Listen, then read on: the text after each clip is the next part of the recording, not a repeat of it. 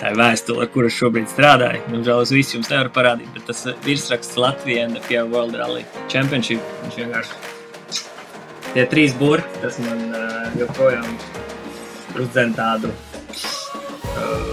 patīkams tirps. Kāpēc uh, ir notikusi šī promotora maiņa? Ja? Tas būs atkal mans subjektīvais viedoklis, bet nu, būtībā, uh, nē, es klausījos no tā, ko viņi teica, un izdarīju secinājumus. Un būtībā uh, viens uh, un spēcīgākais ir viens vārds, ja tas ir piķis. Ja? Jā, tev šogad piedāvā startēt elektroklasē? Tāds oficiāls piedāvājums ar līgumu vēl nav kabatā, bet piedāvājumi ir. Jā.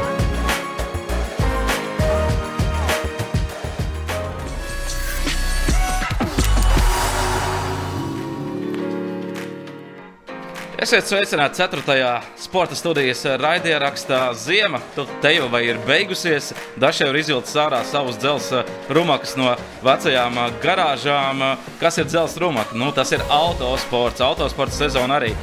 VRC rallijas jau ir sācies, viens posms jau aizvadīts, un, un, un mēs sekosim noteikti līdzi arī visas sezonas garumā, gan VRC rallijām, gan arī, protams, rallija-krosam, kas varbūt latviešiem ir nedaudz tuvāks, jo vēsturiski mūsējie tur ir braukuši daudz, daudz vairāk ar daudz labākiem eh, sasniegumiem. Šajā te raidierakstā es uz sarunu esmu aicinājis Krišāni Cauni, kurš mans viesis te klātienē, Krišāns komentētājs, autobraucējs, arī stūrmanis esi bijis, nu pieredze Krišāni tev ir milzīga.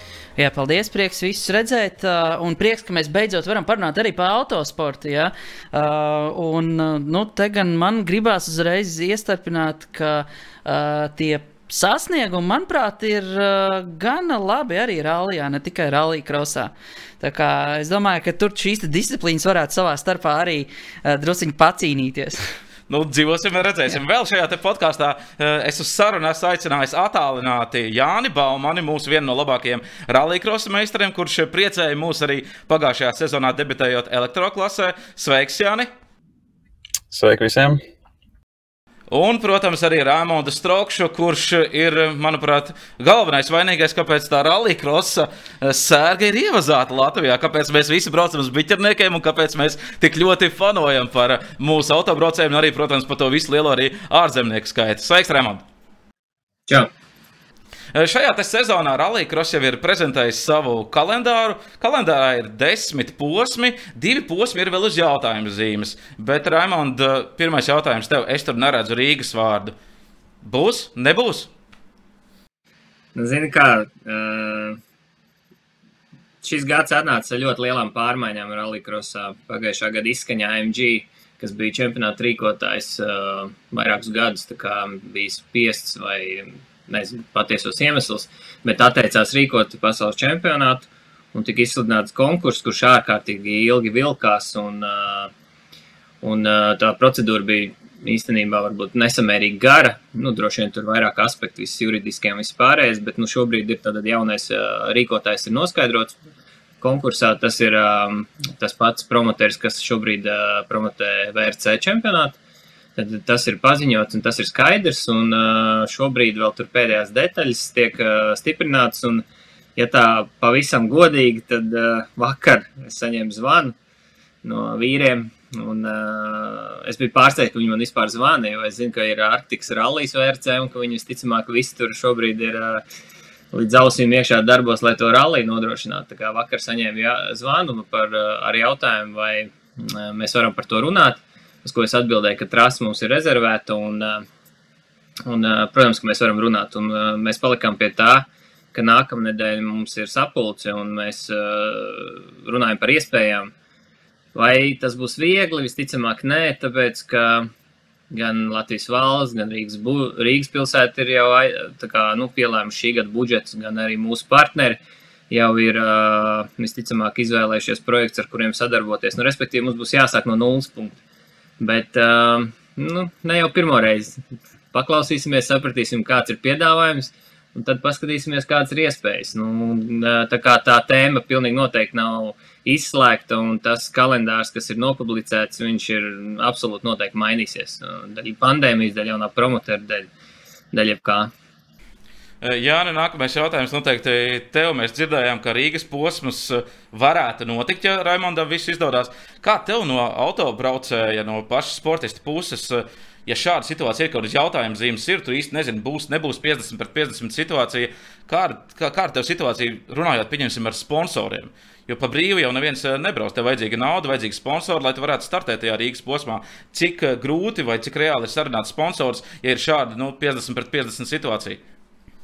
Nu, principā tā jautājumā ir arī atbilde, jo tu pats pateici 50 pēc 50. Kā, nu, protams, ir daudz vienkāršāk uzreiz runāt ar sponsoram, ja ir viss skaidrs, zināms, un plāns ir, plāns ir, plāns ir saprotams no visām pusēm, bet nu, nav noslēpums to, ka Covid ir ievieš ātri izmaiņas dažādās, ne tikai dzīves jomās, bet arī sporta jomās. Tā kā, nu, ir, protams, tas viss daudz sarežģīja, un Raimons arī jau teica to, ka, nu, Rīgā ir pieņemts budžets viņu atbalstītājiem, daļai arī visticamāk, ka jau ir pieņemts budžets 2021. gadam, un, nu, principā tas jau arī, principā, rādīs, nezinu, tur pēc diviem, trīs mēnešiem varēs vispār saprast to, kāds ir kāds ir, kāds ir plāns un, un, un, un kā, kā tas rallija notiksies. Un, ja jaunais čempionāta organizators ies tā, nu, tā teikt, ar pilnu atdevi rallija krosā un investēs tajā liels līdzekļus, es domāju, ka tad arī tad sponsoriem būs vienkāršāk skatīties un vieg, vieg, vieglāk skatīties uz to, kā atbalstīt un redzēs, ka tas čempionāts tiešām ir attīstījies un jaunais organizators dara visu precīzi un pareizi un, un, un promotē viņu tiešām lieliski. Es domāju, tad arī sponsors būs vieglāk atrast.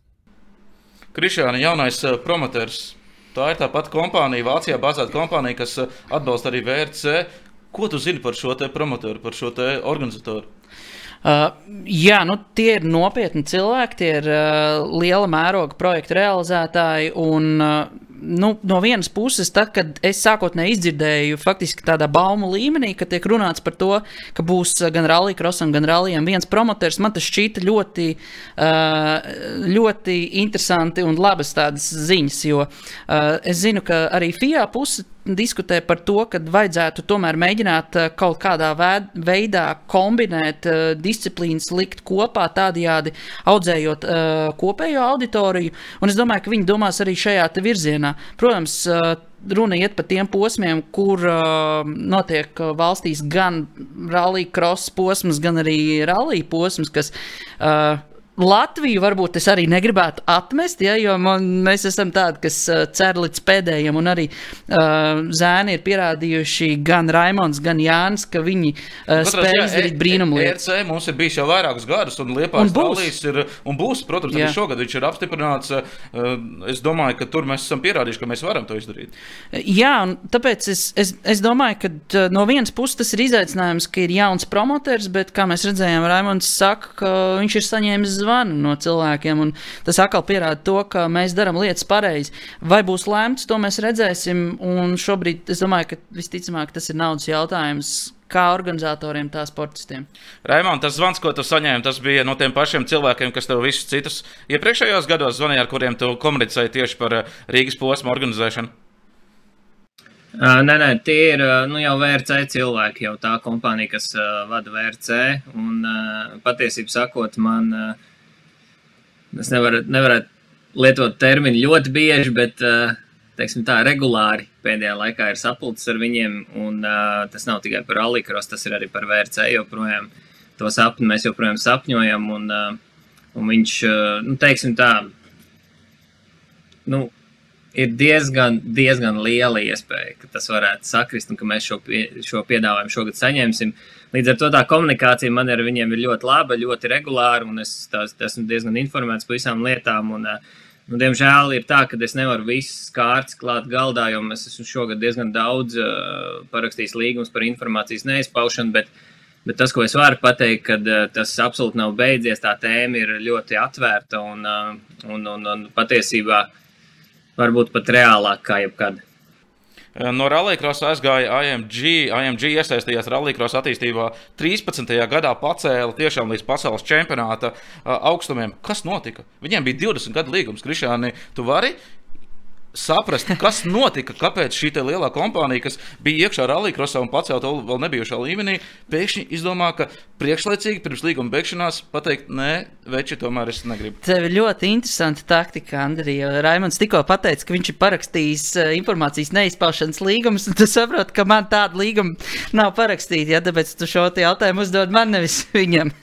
Uh, bet uh, es domāju, ka visam pamatā ir mm, biznesa, lai vai cik mēs kaislīgi būtu pret uh, jebko, ko mēs darām.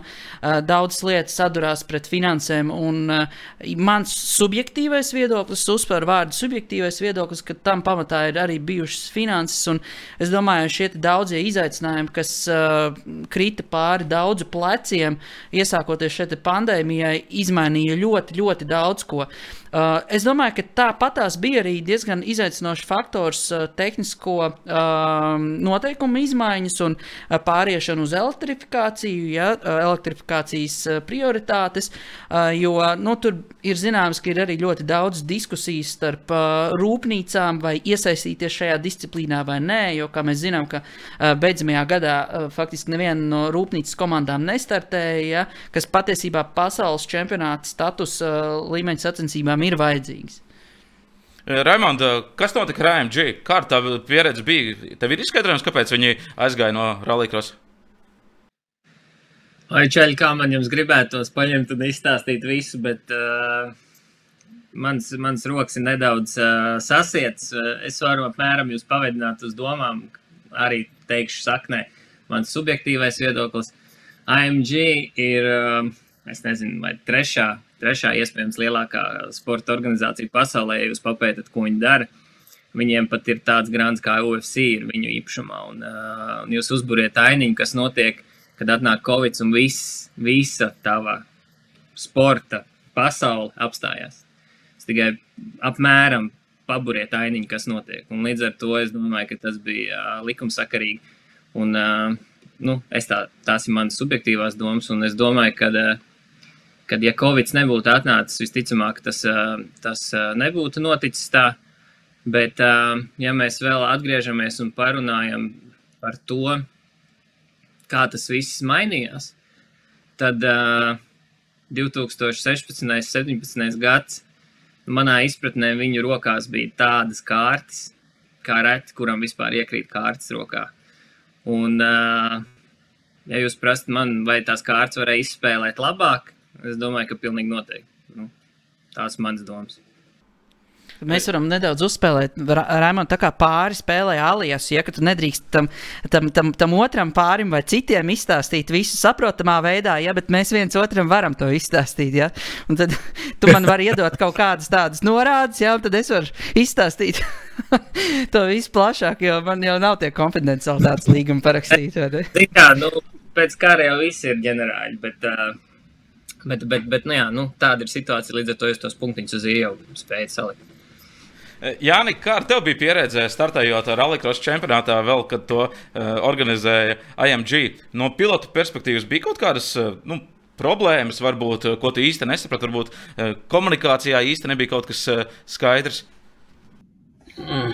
Būtu, es domāju, vesels sižets un raidījums par to, kas varēja būt labāk, vai kas bija ļoti labi un tam līdzīgi. Tā kā, uh, nu, jā, bija īstenībā diezgan daudz lietas, kas eh, tika iespēja tieši pie organizatoriem un prasīts, lai uzlabojas un, un, un tam līdzīgi. Nu, tagad sīkumos neiedziļināšos. Es domāju, ka Raimons ar to pašu var apstrādāt, bet kopumā varētu teikt, ka bija ok, bet vienmēr var labāk. Tā kā, nu, uh, bija, bija daudz jautājumu, uz kuriem vispār netika pat rastas atbildes. Uz daudziem jautājumiem tika rastas atbildes. Tā kā nu, bija diezgan, diezgan, diezgan. Viņi izdarīja ok savu darbu, bet ne, ne labi, varbūt arī tā teikt. Un Raimons arī pateica to, ka viņiem bija iedots principā labākās kārtas, ko varēja pie galda visi dabūt, un viņi, diemžēl, viņas nesalika un neizspēlēja pareizi savas, savas, savas kārtas, un tāpēc varbūt arī Daļai, daļai, daļai arī rūpnīcas komandas aizgāja projām, un uh, otra lieta ir uh, tas, ka nu, Covid atnāca, un, kā Raimons teica, nu, tā ir miljardu kompānija, ja, kas organizē tiešām visā pasaulē ne tikai rallycrossu un dažādu UFC vai, vai, vai citus sporta veidus, bet nu, tiešām visu kaut ko, un uh, ja tev tiešām vienā brīdī viss apstājās, nu, tad tur viens lēmums uzreiz ir skaidrs, ka uh, tas, kas ir viens no dārgākajiem, nu, iz, izmaksu ziņā nu, viņš ir jānogriež nost. Nu, visticamāk, arī tāds ir viņa lēmums. Izmaksu ziņā pārāk dārgs tas prieks bija privātajām komandām pavilkt to visu pasaules čempionātu pilnu. Nu, jā, un katru gadu principā, jau tika runāts ar organizatoriem to, lai samazinātu izmaksas, samazinātu izmaksas, bet principā izmaksas tikai aug un aug un aug. Un, principā, tāpēc, tāpēc arī es domāju, ka viņiem spiediens no komandām un, un braucējiem ir diezgan liels, kur, kur viņi paši redz savu Excel tabulu, to, ka viņi nevar palīdzēt zemāk, un visas komandas tikai prasa. Es domāju, ka tajā brīdī arī tas arī viss viņiem apstājās. Tā kā, nu, skumji, bet nu, Tagad ir sācies jauns ceļš, un cerams, ka, ka, ka jaunie organizatori, kas kārtas viņam tiks iedots, izspēlēs tieši tā, kā vajag. Krišāna, pa, nedaudz tavu Excelī tagad pameklēsim, kā tev tās tabuliņas ir salikušās.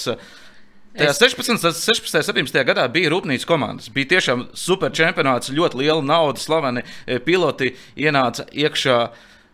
Kā ir labāk? Pēc tam, kad viņi aizgāja visi, tad it kā palika tā cīņa līdzvērtīgāka. Arī Jānis iebrauca uh, trīniekā un diezgan regulāri bija finālā. It kā tiem uh, netika naudīgajām privātajām komandām bija vieglāk iebraukt uh, finālā, cīnīties par top 3. Bet pirms tam bija atkal šie lielie rūpnīcu zīmoli. Kas ir svarīgāk? Tiešām, lai Jānis varētu iebraukt top 3 un teiksim, tur, tas čempionāts būtu interesantāks, ka varētu savstarpējā cīņa būt, vai tomēr tie lielie zīmoli, kas spēlē eh, lielu lomu visā pasaules autosportā? Nu, jā, eh, es sākotnēji gribētu laikam tādu īsu rezumē savilkt faktiski divos teikumos par to, ko Džeki teica.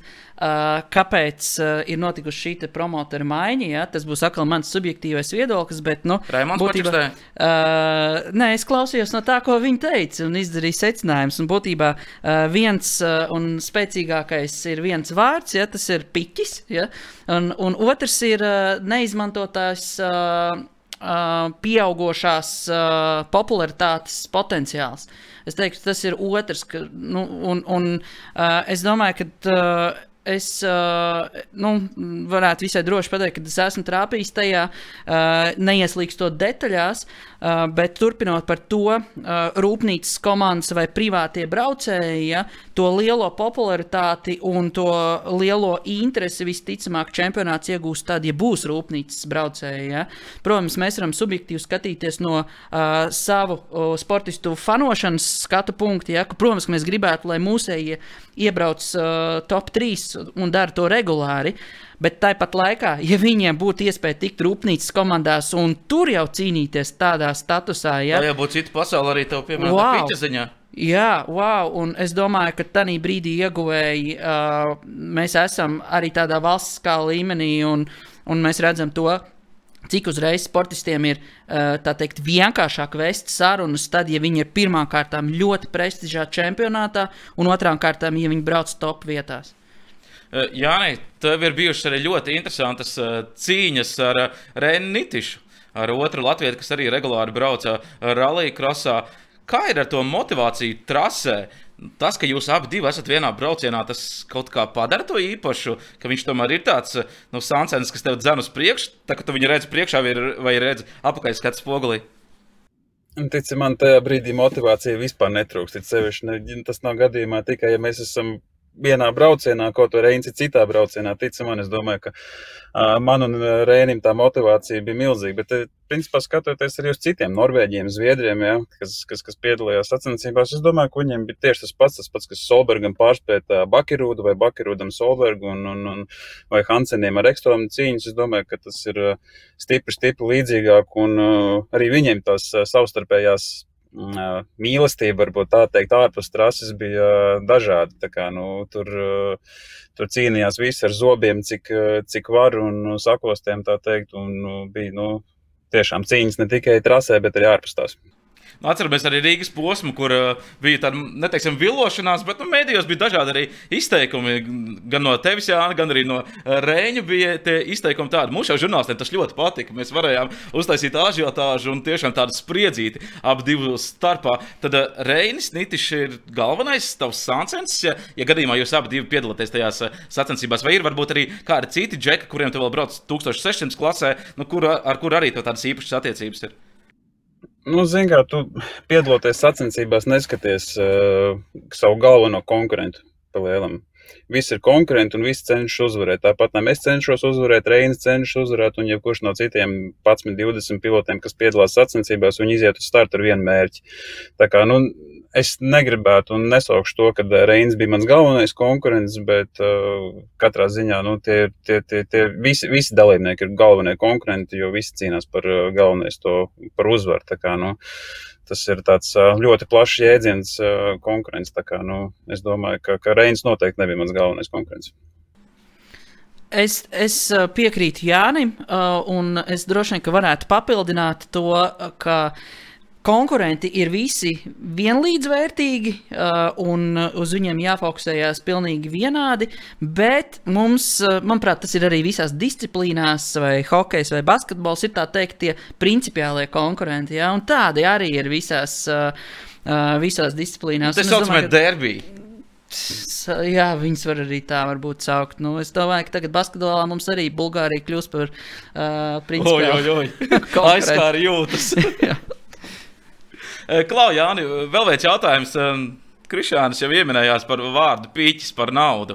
Cik ir jāsavāc nauda Latvijam, lai varētu aizvadīt pilnu sezonu pasaules čempionātā Rallija?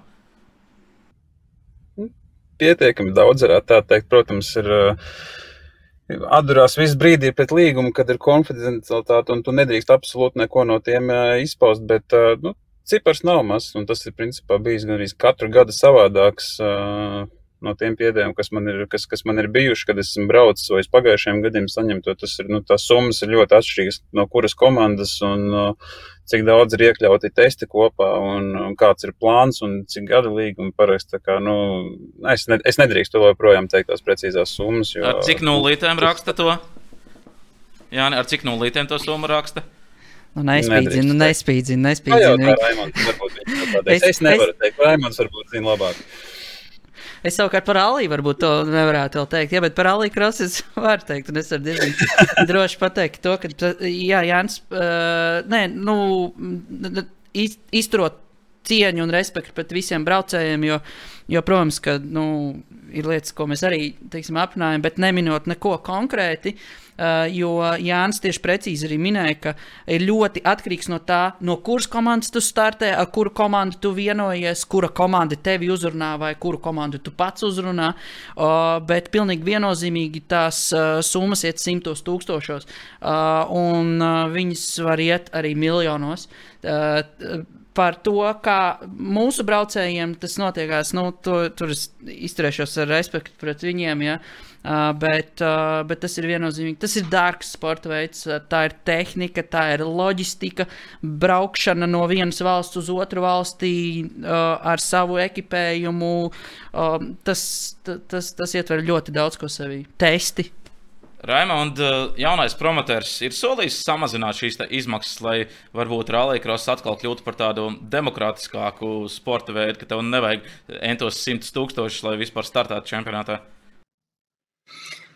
Jaunajam promotoram visticamāk plāni būs lieli, jo tas, ko viņi izdarīja ar VRC, tas bija vienkārši neticami, kur viņi aizveda VRC. Līdz ar to viņi nav atnākuši, lai tur uh, auklētos vai strādātu puskājā. Viņi pilnīgi noteikti dos gāzi, un uh, tas būs top līmenis. Uh, es patiesībā šobrīd par rallija krosu ar viņiem ārkārtīgi daudz neesmu runājis. Viņu vīziju visticamāk, un nākotnes plāns, ilgtermiņa plāns es uzzināšu nākamnedēļ, kad nu, mēs par to pirmo reizi runāsim detaļās.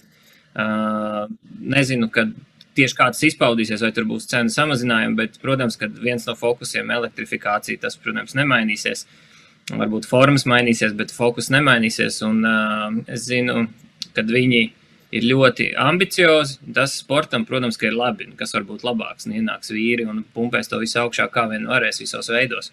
Un viņiem ir kontakti, viņiem ir datubāzes, viņiem ir absolūti viss, lai to izdarītu. Tā kā nu, sportam, nu, es domāju, ka sportam tas ir ļoti labi. Jaunajiem čaļiem visiem es domāju, ka tas ir ļoti labi, jo tas viss pavērs kaut kādas jaunas apvāršņas, jaunas iespējas. Un, un, uh, tie, nu, tie, tie čaļi ir super nopietni un ļoti ambiciozi. Tur, tas ir tikai laika jautājums. Es pieļauju domu, ka šis gads, par cik visi apzinās, kur mēs esam, tūlīt ir marts aiz logu un, un kur ir sezona. Es domāju, ka šis gads būs tāds kā lai to pareizi nosaukt, pārziemošanas gads un tāda pilna gāze, visticamāk, tādā izpratnē, kā es, kā es no viņiem ekspektēju. Es pieļauju, domu, ka viņi sāksies nākamgad ar kaut kādiem aizmetiem šogad. Es ar Raimondu runāju pirms aptuveni mēneša. Mums bija neliela intervija, un tad Raimons teica, ka jā, ir jau zināms šis te promotors, bet viņš, nu, protams, atkal konfidencialitāte, un viņš nedrīkst to izpaust. Un tad, nu, nākamās dienas es visu laiku refrešoju ziņu portālus, vienkārši, nu, kad tad parādīsies tā, tā ziņa. Un tad, kad parādījās, vairākos portālos izlasīt. Tur galvenā ziņa ir tāda, no visām tām intervijām un vadības elektrorevolūcija, elektroautorāta, elektroautorāta. Krišāna, tev neliekas, ka šis te VRC promotors, kurš tagad pārņems Rallija čempionātu, Mm, RX ir paņēmis kā tādu izmēģinājumu poligonu tieši elektroautorāta attīstībai. Jo Rallija arī par to ļoti eh, runā, ka tūlīt pat jau arī būs eh, elektromašīnas eh, tieši arī VRC rallijā. Jā, bet te mēs atkal atgriežamies drusciņā senākā vēsturē, ja par šo tā saucamo uh, Francijas zaļo vienošanos, ja, kas būtībā izmainīja ļoti daudz ko, gan ražotāju ziņā, uh, gan arī tas ietekmēja sportu būtībā. Kā rezultātā ražotāji bija spiesti domāt citādāk, domāt klimats zaļāk, un līdz ar to arī sports no tā ietekmējas. Un, jā, protams, ir spiediens arī uz, starp, uz Starptautiskā automobīļu federāciju, kā rezultātā tās eskalējās jau tālāk uz attiecīgajām disciplīnām, un uh, elektrifikācija ir rallija krosā jau tā ir jau šodiena, tā jau vairs nav nākotne, tā ir jau šodien, tas jau notiek, mums ir jau pirmais, uh, tā teikt, čempions, ja, čempione šajā disciplīnā, un nākamgad, jā, arī rallijas ies tajā virzienā, un būs varbūt ne gluži elektrifikācija pilnībā, bet būs Uh, arī jauninājumi, par kuriem mēs vien vēlāk parunāsim precīzāk. Bet, starp citu, viens no rallija pilotiem, tāds Heidens Padons, kas arī kādreiz bija Hyundai rūpnīcas pilots, viņš ir uztaisījis uh, pilnībā elektroautorātu uh, un jau veids tests. Un, ja nemaldos, uh, šogad būs viņam arī pirmās sacensības. Remonts, tas būs tāds turpinājums izmēģinājumu poligonām elektroautorāta pasaulē. Elektro pasaule visā autosportā ir neizbēgama jautājums tikai kad VRC jau iet uz hibrīdu mašīnām no nākamā gada. Un uh, es zinu, ka pat otrā ešalona mašīnas R5 kaut kādā pārskatāmā nākotnē, tur 2-3 gadu laikā jau iegļūs, ie, ie, nu, iegūs uh, šo hibrīdu elementu, varbūt vienkāršāk, protams, nekā VRC, lai saglabātu šo kategorijas cenu atšķirību. Bet Tas viss ir absolūti neizbēgami. Tas ir tikai laika jautājums. Mums tas var patikt, mums tas var nepatikt. Tam var būt vairāk fani, mazāk fani. Mēs nekur no tā nedēsimies, neviens no mums. Cik mēs labus viesus esam izvēlējušies šodienas uh, raidierakstā, Jāni. Um, atceros, ka Rallija Cross pasauli to uh, elektroautorātu no sākuma neuzņēma tīri labi, bet tu jau pats esi paspējis debitēt uh, elektropasaulē. Nu, Kā mainīsies tagad tas uh, rallycross un kā tu vari salīdzināt to elektromašīnu ar uh, iekšzemes mašīnu? Nekā, tas, ko uzbūvēja manu, mani austriešu draugi, tā teikt, starta komanda, tā mašīna bija nu, tāpat būvēta uz tās pašas mašīnas bāzes, kas, ko būvēja rallycrossam. Tagad šie jaunie Chrysler austriešu kompānija ir uzbūvējuši kaut ko pilnīgi jaunu Škodas. R5 bāzes veikuši, ja nemaldos, jo tur viņiem bija rakstīts pār 3000 km testi un, un, un arī plāno rallē jau piedalīties ar šo elektromašīnu. Tā kā, nu, no braukšanas viedokļa var teikt, tā, nu, tu uzvelc ķiveru virsū, tev ir stūra, mm, tev ir pedāļi un uh, rokas bremze. Nav jāpārslēdz ātrumu, nav sajūgs un tam līdzīgi, bet tās sajūtas, kas ir uh, braucot ar šo elektrisko mašīnu, ir, nu, viņas ir pārsteidzoši. Jo nu, tu nekad, principā, tie cilvēki, kas nav braukuši ar elektriskajām mašīnām, vai ir tieši braukuši, pieņemsim, ar kaut kādu ikdienas elektromašīnu, ja neskaita Teslas, tad viņiem tas pātrinājums man pašam bija nu, nenormāls pārsteigums. Jo nu, tiem, kas brauc ikdienā ar, pieņemsim, dažādiem, nu, kur var teikt, tā, tā tautas mašīnām, kam nav tas sportiskais uzrāviens, nu, tu iekāp tajā super, tā teikt, elektrosuperkārā un tev ir acis uz kātiņiem. Tu vienkārši esi šokā, principā, kas, kas, kā, kā tas var būt no elektrības. Nu. Bet, protams, mašīnai svars lielāks par aptuveni 200-300 kg, kas uzreiz to api laiku pret superkāru samazina no nu, 2-3 sekundēm aplī aptuveni, jo tas ir, nu, iedomājieties, 300 kg kartupeļu ieliek mašīnā un tad uh, pa, pa, pa, cik ātri tad tu apbrauks vienu apli ar kaut kādu ielas mašīnu. Tas būs uzreiz 5-6 sekundes klāt, un tu jutīsies nedrošāk. Nu, tieši tāpat bija biķerniekos ar šo mašīnu, arī citās trasēs, kur brauc, nu, tu jūti to mašīnas smagnējumu. Bet, nu, kā, tehnoloģijas iet uz priekšu, un es domāju, ka uh, tuvākā laikā tās baterijas un uh, viss tā tehnika, motori, viss paliks uh, vieglāk. Un, uh, nu, es ļoti ceru brīdi, kad uh, ar elektrorollikros mašīnu varēs pārspēt uh, benzīna dzinēju mašīnu, un es domāju, ka tad, uh, tas arī paliks arī daudz interesantāk arī skatītājiem. Ja nu rēķina, ka nu, uh, riepas paliks droši vien tādas pašas, pagriezienā ātrums būs. Uh, viens pret viens to, kāds tas ir ar, ar, ar, ar benzīna dzinēju, nu, tik cik tā pātrinājuma uz taisnēm būs lielāka, bet, nu, ņem vērā, ka arī ātrāk jāsāk bremzēties, nu, jo, nu, riepas slodzi iztur tādu, kādu viņi iztur, un tas ir tāds, nu, aburtais loks, kas iet uz riņķi, tā kā, nu, principā laika jautājums, līdz ko viņš kļūs ātrāks. Jā, un tev šogad piedāvā startēt elektroklasē? Mm, tāds oficiāls piedāvājums ar līgumu vēl nav kabatā, bet piedāvājumi ir. Jā. Bet pirtī uz lāviņas esat runājuši par šo tā teikt. Ja? Katrs savā no, pirtī, protams. jā, jā, jā, tieši tā. tā. Tāpat kā mēs šeit šobrīd, tā arī, tā arī ar tiem cilvēkiem, ka at, attālināti ir, ir kaut kādas uh, sarunas veiktas, bet nav jau skaidrs, kas būs šogad ir daudz nezināmā, bet nu, faktiski tiem, kuri uh, vēlas pamēģināt elektroautorātu, varbūt tas nebūs gluži superkārs, bet ir, manuprāt, jau vairāku sharing, jeb koplietošanas kompānijām. Var pamēģināt, jā, aplikācija pierģistrējies un var un, izmēģināt. Un, un var pamēģināt, jā, kā tas ir, jo patiesībā uh, interesants fakts arī ka trolēļbusam ir arī elektrodzinējs, un viņam arī šis uzrāviens ir diezgan iespaidīgs, ja viņi izmanto ar pilnu jaudu. Tur ir vēl, vēl viena tāda lieta, ka trolēļbusiem speciāli esot saliktīti tranzistori, tā lai tā jauda nebūtu tā maksimālā. Jo, ja tos tranzistors izņemt ārā, tad tas trolēļbus arī aizlidot līdzīgi, kā Jāņa Baumaņa elektromašīna bija ķindniekos. Un es atceros arī Jāni Sižetu, kur mēs taisījām Rīgas posmā kā reiz par tādu automašīnu, kur bija ļoti jāpievērš uzmanība tai zaļajai lampiņai, ja, kas nozīmē drošību faktiski, lai tā teikt, nu, elektrība nesit pa knaģiem. Ja. Kā, nu, jā, tur ir arī citas lietas, cits fokus, uz ko ir, ir jākoncentrējas. Bet, nu, katrā ziņā Jānis arī ļoti labi ies, ieskicēja tās uh, braukšanas īpatnības, kādas ir elektroautomašīna no iekšdedzes dzinēja automašīnas smēles apiņķerējās. Krišāni, tas, ka tagad elektromašīnas ir kļuvušas krietni populārākas un tā attīstība būs noteikti tīra uz elektrību, vai tas varētu ieinteresēt atkal lielās autoražotājus atgriezties rallija pasaulē ar rūpnīcas komandām? Jo viņas, viņi visi ir aizgājuši prom pēdējos gados. Es ļoti ceru, ka sportā iesaistīsies arvien vairāk un vairāk autoražotāju. Turklāt, ka tas nebūs tik ļoti sadrumstalots, sadalīts pa disciplīnām, ja, bet tas tiešām būs arī koncentrēti, ka gan rallija krosā, gan arī rallijā būs eh, pēc iespējas vairāk ražotāju. Tas ļoti dzen uz attīstību no tehniskā un jāsaka arī no sportiskā viedokļa. Un plus papildus tam, ja mums ir vairāk rūpnīcas, vairāk ražotāju, ir vairāk braucējiem iespēju, kas nozīmē arī uh, nu, finansiāls uh, iespējas.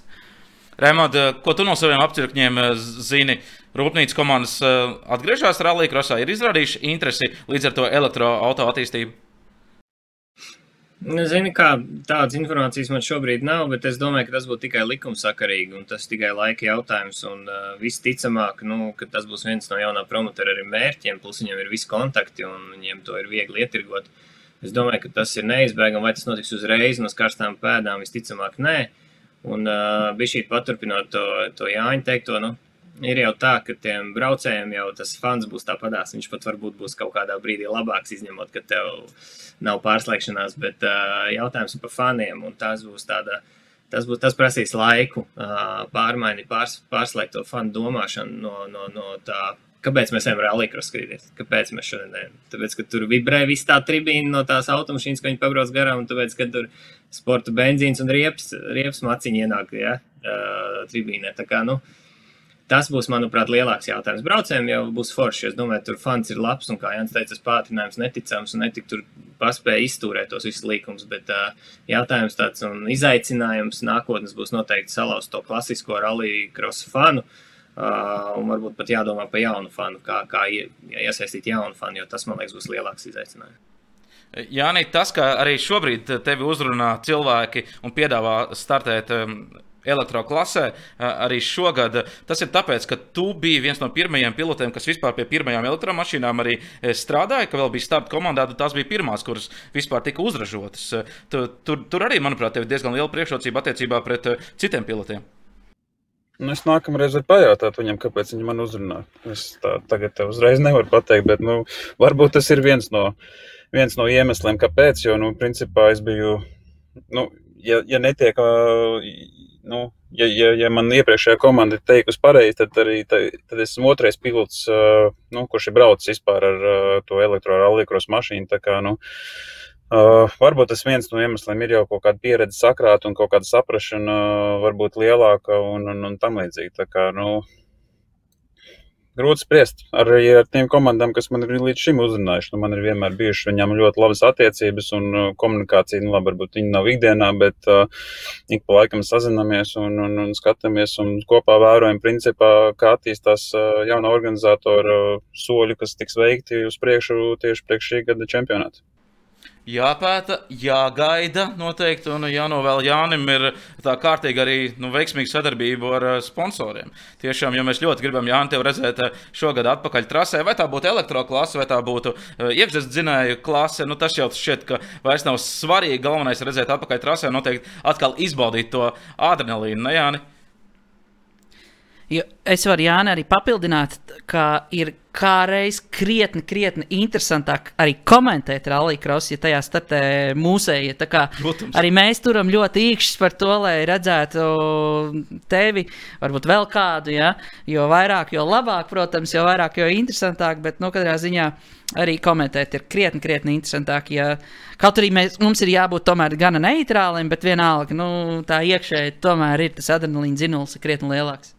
Labi, Jāni, tu šobrīd kāds, kā tāds pilnvērtīgs, simtprocentīgs darba ņēmējs. Dodies savā darba gaitās. Paldies, ka pievienojies mūsu raidierakstā. Tiekamies jau, ceram, cerams, ka tiekamies jau eh, trasē. Labi, paldies. Veiksmīgi. Čau. Čau, čau. Kamēr Jānis jau dodas uz uh, savu darbu, Redzējām, arī pie stūres bija tajā brīdī Jānis eh, Rēmons. Pievērsīsimies vairāk VRC šiem trīs burvīgajiem burtiem. Uh, Nu, pagājušo gadu mēs jau bijām šķiet, diezgan, diezgan tuvu, lai Latvijā pirmo reizi kaut kas tāds uh, notiktu. Vari paskaidrot, kas traucēja tam, lai mēs izbaudītu VRC ralliju tepat Latvijā? Man tikai jāizsaka daļa, ko nevar rādīt. Tā ir tāda lapiņa. tā ir vēstule, ar kuru šobrīd strādāju. Diemžēl es visu jums nevaru parādīt, bet tas virsraksts Latvijā and the Fear World Rally Championship. Viņš vienkārši tie trīs burti, tas man uh, joprojām uzdzen tādu uh, patīkams tirps. Uh, kas notika? Teiksim tā, notiek viss, kā jānotiek. Uh, un varbūt labi, jo, labi, ka tā, jo ja pagājušajā gadā uh, šis rallies mums būtu jāuztaisa, mēs jau iet un darītu. Uh, mēs jau, kā lai teikt, to iespēju garām nelaist. Bet vai tas bija, uh, no, vai tas būtu bijis normāli? Visticamāk, ka nē, jo 30 dienās uztaisīt VRC rallija, tas ir, nu, tas ir, tas ir ļoti dūli. Mm, varbūt, ka labi, ka, ka tā. Ar ko tas viss ir rezultējies? Rezultējies ar to, ka mums ir ārkārtīgi labas attiecības ar VRC promotoru ka mēs joprojām esam oficiālā sarakstā iekļauti kā rezerves posms, un mums ir laiks tam sagatavoties. Un patiesībā sakot, mēs jau šobrīd strādājot pie ERC rallija, šīs divas ERC rallija dienas, uzbūvēsim tādas, ka, vi, ja mums atnāk VRC, mums šīs divas dienas ir gatavas. Un mums atliks uzbūvēt trešo dienu, un mēs braucam VRC kopā ar Eiro, Eiropas čempionātu. Pagājušajā gadā, tajā brīdī, kad viņi pie mums atnāca, mēs jau par to nezinājām. Mūsu rallija dienas bija uzbūvēts atbilstoši ERC prasībām. Un mums būtu principā 30 dienās jāuzbūvē jauns rallijs. Nu, tas būtu, mēs iet, skrietu, trakotu, darīt. Mums jau bija ārkārtas uh, birojas uh, paredzēts, kur mēs veidosim ārkārtas štābu un, uh, un dosim gāzi. Bet uh, es vēlreiz saku, varbūt labi, ka tā, jo šobrīd, ja mums tas notiks, mēs to izdarīsim daudz labāk, adekvātāk, sagatavotāk. Un plus jau mums pagājušajā gadā uzkrita Covid, kas bija jāizveic viss Covid protokols. Un tas īstenībā arī bija labs, labs tāds, tā kā laba skola, kurai bija jāiziet cauri. mēs jau esam gatavi. Šobrīd mēs jau mēs visi esam izdarījuši saistībā ar Covid protokolu vienreiz, tagad, ja tas, protams, būs ar vērts, viņš būs šī citā līmenī, bet anyway, viņš ir izdarīts. Un tā kā viss notiek tā, kā jānotiek, nemeklēsim vainīgos, mēs bijām tuvu, un lai, lai, lai tā tas arī paliek. Kristiāna, tu paspēji pagājušo gadu piezvanīt Raimondam. Raimond, ja vajag palīdzību, es skrienu palīgā, palīdzēšu uztaisīt 30 dienās VRC posmu. Es man liekas, Raimondam gandrīz katru gadu šī ziņa nosūta, un mēs arī tur sazināmies uh, savstarpēji arī ar uh, citiem mm, Raimonda komandas mm, dalībniekiem, kolēģiem. Tā, tā valsts mums ir maza, uh, autosports. Tas faktiski nav sports tā ir dzīve, tas ir dzīvesveids, un tas ir kaut kas krietni, krietni vairāk. Bet es domāju, man uh, visu sporta veidu pārstāvi, kur tiešām ir ar lielu deksmi, nu, teiks to pašu par savu sportu. Un, jā, mm, man bija ļoti duāls un tāds dalīts sajūts pagājušo gadu. Uh, es uh, vienlaicīgi priecājos par to, ka pasaules čempionāta posms notiks Igaunijā. Uh, un šobrīd sanāk tā, ka Latvija ir vienīgā valsts no Baltijas valstīm, kur nav bijis pasaules čempionāta rallija posms. Bet tāpat laikā es, protams, biju ļoti. Nu, man bija ļoti liels skumjas un bēdas par to, ka Latvija bija tik tuvu, tik tuvu kā nekad. Bet es teiktu, tā, ka nekas vēl nav zaudēts, un Raimons, manuprāt, pareizi saka, ka viss notiek tā, kā tam ir jānotiek. Un, uh, varbūt mums tāda iespēja būs, un varbūt uh, viņi būs pat labāki nekā tas bija iepriekš. Katrā ziņā, eh, zinot to, cik uh, čaļi maz stundas jau tā guļ šajās sacensību gatavošanās periodā, es domāju, ka tas būtu vispār ārprāts viņiem 30 dienu laikā uztaisīt sacensības no nulles, jo nu, tas, tas ir pamatīgs darbs.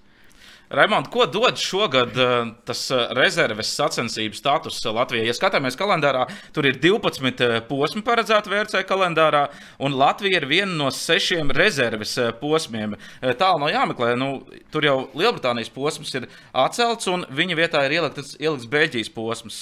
Ko mums dod tas rezerves status?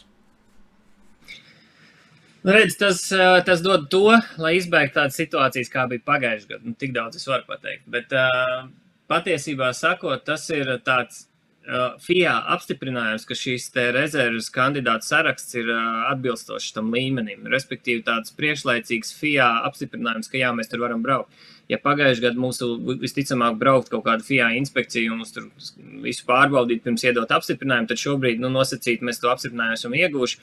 Un FIA VRC promotors ir bezmazliet tiesīgs nākt pie mums un uzreiz parakstīt šo līgumu par rīkošanu, pat negaidot kaut kādas motorsporta kauncila apstiprinājumus vai vēl kaut ko. Tā, kā, tā saraksta izveidošana, tas, ka mēs tur esam, tas ir ļoti krietnes solis priekšā, lai izbeigtu kaut kādus laika zudumus vai teiksim, nezaudēt liek kaut kādu enerģiju vai laiku kaut kādām procedūrām. Respektīvi, viņi atnāks, mēs spēsim, ja mēs spēsim kriterijus izpildīt, mēs uzreiz metamies darbos, parakstam līgumu un strādājam. Nevis tur vēl cīnāmies ar kaut kādu politiku, kas saistās ar FIA un tādām lietām. Krišāni abi, un Raimonds abi esat bijuši rallija braucēji. Latvijā tos vajadzīgos 300 km var uztaisīt interesantus, tā lai tā trase, lai visi ātruma posmi arī izturētu. Un lai nebūtu jāliek šie lielie slāpētāji, jo, nu, būsim godīgi, nu, mums tie ceļi nu, nav tik līkumoti kā Igauniem. Igauniem ir krietni līkumotāki tie ceļi. Ja mēs skatāmies to pašu kurzemi, nu, tur tie līkumi nav tik daudz kā varbūt Igaunijā. Es domāju, ka tās ceļu specifika ir uh, Latvijai arī ir sava. Uh, ja Igaunijā varbūt ir vairāk reliefaini, ja, nu, tā, tā ceļu konfigurācija nu, varbūt atšķirās reliefā, bet uh, tas, ka viņi ir krietni ātrāki ceļi Latvijā nekā Igaunijā, nu, nē, es tā īsti negribētu piekrist. Uh, Raimons droši vien varēs pateikt precīzāk, jo viņi krietni detalizētāk pie tā strādājuši. Mans subjektīvais viedoklis ir, zinot tādas aptuvenas, izrunātās lietas, arī ar distances priekšnieku, kas ir atbildīgs par gana daudz trasēm Latvijā, bijis. Un, un viņš saka, ka tas ir iespējams. No manas subjektīvā viedokļa, vai ceļi izturētu, es domāju, ka mēs būtu krietni labākā situācijā nekā bija Lietuva organizējot posmu kopā ar Poliju. Tur bija gaužām bēdīga situācija, un es domāju, ka nu, tur mēs esam kārti priekšā. Kaut kas ļoti līdzīgs Igaunijai ceļu stiprības ziņā par ātrumu slēpētājiem. Viņi ir tagad, viņi noteikti būtu arī tādā situācijā, Tas gan ir neizbēgami, jo automašīnas patiesībā ir krietni ātrākas kļuvušas nekā tas bija kādreiz. Raimonda, ja vērtē rallijas Latvijā notiek, tad tas viss notiek ierastajā vietā, kur zemē, vai tomēr mēs paplašinām šo geogrāfiju un mēģinām arī izmantot citus ceļus, lai nu, būtu daudz interesantāk tie posmi. Man mazliet jāpapildina iepriekš runāto. Mums īsti nebūs jātaisa 300 km, un mēs uh, neplānojam to izdarīt. Uh, Mūsu variantā, par cik tas nav pilna kalendāra, pamata kalendāra rallijas, tad mums nav šie kriteriji jāizpild. Mūsu kriteriji būs citi, tik daudz kilometru mums nebūs vajadzīgi. Mums būs vajadzīgi vairāk nekā Eiropas čempionātā, bet ne pilni 300 vai 300 plus kā vērcē. Par ceļiem atbildot, mums ir ļoti fantastiski ceļi.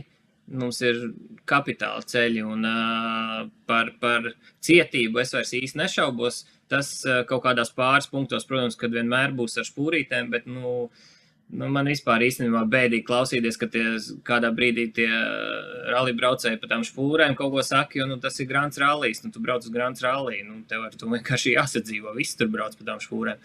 Un uh, par slāpētājiem no tā absolūti nav ne jābaidās, ne jākaunās, ne jāmūk no tā. Tas ir tikai normāli. Automašīnas ir nenormāli ātras. Kā, kā mums pagājušajā gadā ERC rallijā pateica FIA drošības komisāra novērotājs, kurš ir bijis, kurš ir bijis faktiski stūrmanis VRC mašīnā, viņš pateica, ka par vienu no ātrumposmiem. Es uzreiz gribu pateikt, tas ātrumposms VRC nebūs, bet, bet mums pagājušajā gadā, cik tas ir Eiropas čempionāts, mēs viņu iekļāvām. Viņš pateica, zin, kā ir VRC mašīnā, ja ātrumposmā īsti nav bremžu pedālim jāpieskarās. Aerodinamika un, un riepas un, un viss tā fizika izdara visu, un viņiem īsti nav jābremzē. Man tas droši vien bija šī pārspīlējums. Man tagad interesē, protams, par kurēju tu staki. Jo es, protams, arī esmu braucis, bet es domāju, ka tas arī skatītājiem, kas ir rallija fani, būs interesants uzzināt klasisko tebru. Mēs pagājušajā gadā iekļāvām klasisku tebru bez nekādiem apendiksiem, bremzētājiem. Mēs iekļāvām klasisko, un tā, protams, nu, viņi ir ātri. Viņi jau priekšā ir pieci mašīnas, ir ātri, bet nu, viņš teica, ar vērcē mums īsti nav jābremzē. Bet uh, par, par to vietu mēs neko nemainīsim. Tā būs kurzem, tur ir visa infrastruktūra un viss, lai mēs to izdarītu. Tur ir ceļi, tur ir tur ir pilsētas, kas to gaida un kas to, tam visam palīdzēs notikt. Mēs, mēs noteikti paliekam un izplašamies tikai vienkārši mazliet lielākā teritorijā. Rēmond, mazliet, mazliet pasapņojam, ja šovasar izdodas mums piepildīt šo sapni, tos maģiskos trīs burtiņus, norganizēt Latvijā VRC pasaules čempionāta posmu, ko tas mums dos? Nu, zini, kā tas ir. Sāksim no viena gala. Tā ir, tā, tas ir tik plašs jautājums. Tas ir ļoti, ļoti gara diskusija. Idejas, ka pirmais faktors, kas ir pats pats svarīgākais, uh, vai un cik būs ļauts skatītāji. Pieņemsim, pagājušajā gadā Igaunijas posms VRC notika pandēmijas laikā, bet Igaunijas valdība uz to paskatījās objektīvi, kad vienlaicīgi cik plašā teritorijā tas notiek un, un pieņēma atkāpes. Es biju neatceros, vai tie bija 16 vai 26 tūkstoši cilvēku, kur tika sadalīti pa punktiem un, un viss tas nobrauc. Ja, teiksim, no tā ir ļoti atkarīgs finansiālā puse un iegūms Latvijas valstī kā tādai. Bet ja mēs to atliekam malā, tad kaut vai uz vienu, vienu, uh, vienu lietu izanalizēsim. VRC ceļojušais cirks ir aptuveni 1500 cilvēku. Tas nozīmē, ka 1500 cil cilvēku atlidos uz Latviju vai, vai atbrauks ar daļu kaut kādām smagajām automašīnām, bet lielākā daļa atlidos. Viņi visi nopirks avio biļetes, viņiem visiem vajadzēs automašīnas, viņiem visiem vajadzēs nakšņot, jo rallies ir tas sports veids, kur komandas neguļ fūrēs, nu, vai arī ļoti, ļoti maz to dara. Viņi guļ viesnīcās. Viņi visi šeit uzturēsies ar testiem kopskaitā 7 līdz 9 dienas, kas ir ārkārtīgi izstiepts periods. Viņi visi šeit ēdīs, viņi visi šeit nomās automašīnas, viņi visi šeit uh, uzturēsies un lies degvielu un rallīs vēl ar to specifiku. Kad pieņemsim, vienalga kaut vai pret rallīkros, ja rallīkrosā viņi atbrauc un stāv uz vietas uh, trasē, tad rallijā ir nemitīgi pārvietošanās, un tas degvielā, ko viņi iztērē Latvijā, atstāja, tas ir ārkārtīgi liels summas. To iegūmu ir faktiski daudz, Un es domāju, ka šajā brīdī, kad mēs esam, kad tā turisma sfēra ir ārkārtīgi cietusi, tas būs, tas būs manuprāt, superīgs atspēriens, grūdienis, lai atgrieztos normālās sliedēs. Protams, globāli pārraide un translācijas visā pasaulē, tas ir, nu, tas ir, to mēs vispār mēs pat nevaram izmērīt. Mēs ar Eiropas čempionātu to ne līdz galam novērtējam un izmēram, jo tas, tās auditorijas ir milzīgas, bet mēs kaut kā par to, to pieņemam kā pašsaprotamu Bet patiesībā tas ir milzīgs rupors, kurām mēs sakam, par, runājam par Latviju. Un, tā kā to iegūmu ir patiesībā ļoti daudz. Viņš, protams, šajā pandēmijas laikā tieši pakārtots būs tam, cik mēs varēsim uzņemt cilvēkus un cik varēs atbraukt ārzemnieki. Jo ārzemnieku kā skatītāju atbraukšana, protams, ir papildus pienesums jebkurā sfērā valsts, kā, valsts kā budžetā un vispār tautsēmniecībā kā tādā. Bet pat ja neatļauj ļoti daudz skatītājus, uh, Rēmons pieminēja plašo, plašo skatu punktu. Man vēl ienāk prātā arī tas, ja mums notiek regulāri VRC posms, tad uh, visas šīs komandas arī var mēģināt izvēlēties Latviju kā tādu savu bāzes vietu. Piemēram, tālāk jāmeklē Toyota. Viena no bāzes vietām Toyota ir Igaunijā. Tā ir vesela komanda, kas tur uz vietas arī dzīvo, strādā, attīsta, būvē, vajag metinātājus, vajag to pašu visu degvielu un visu, visu pārējo.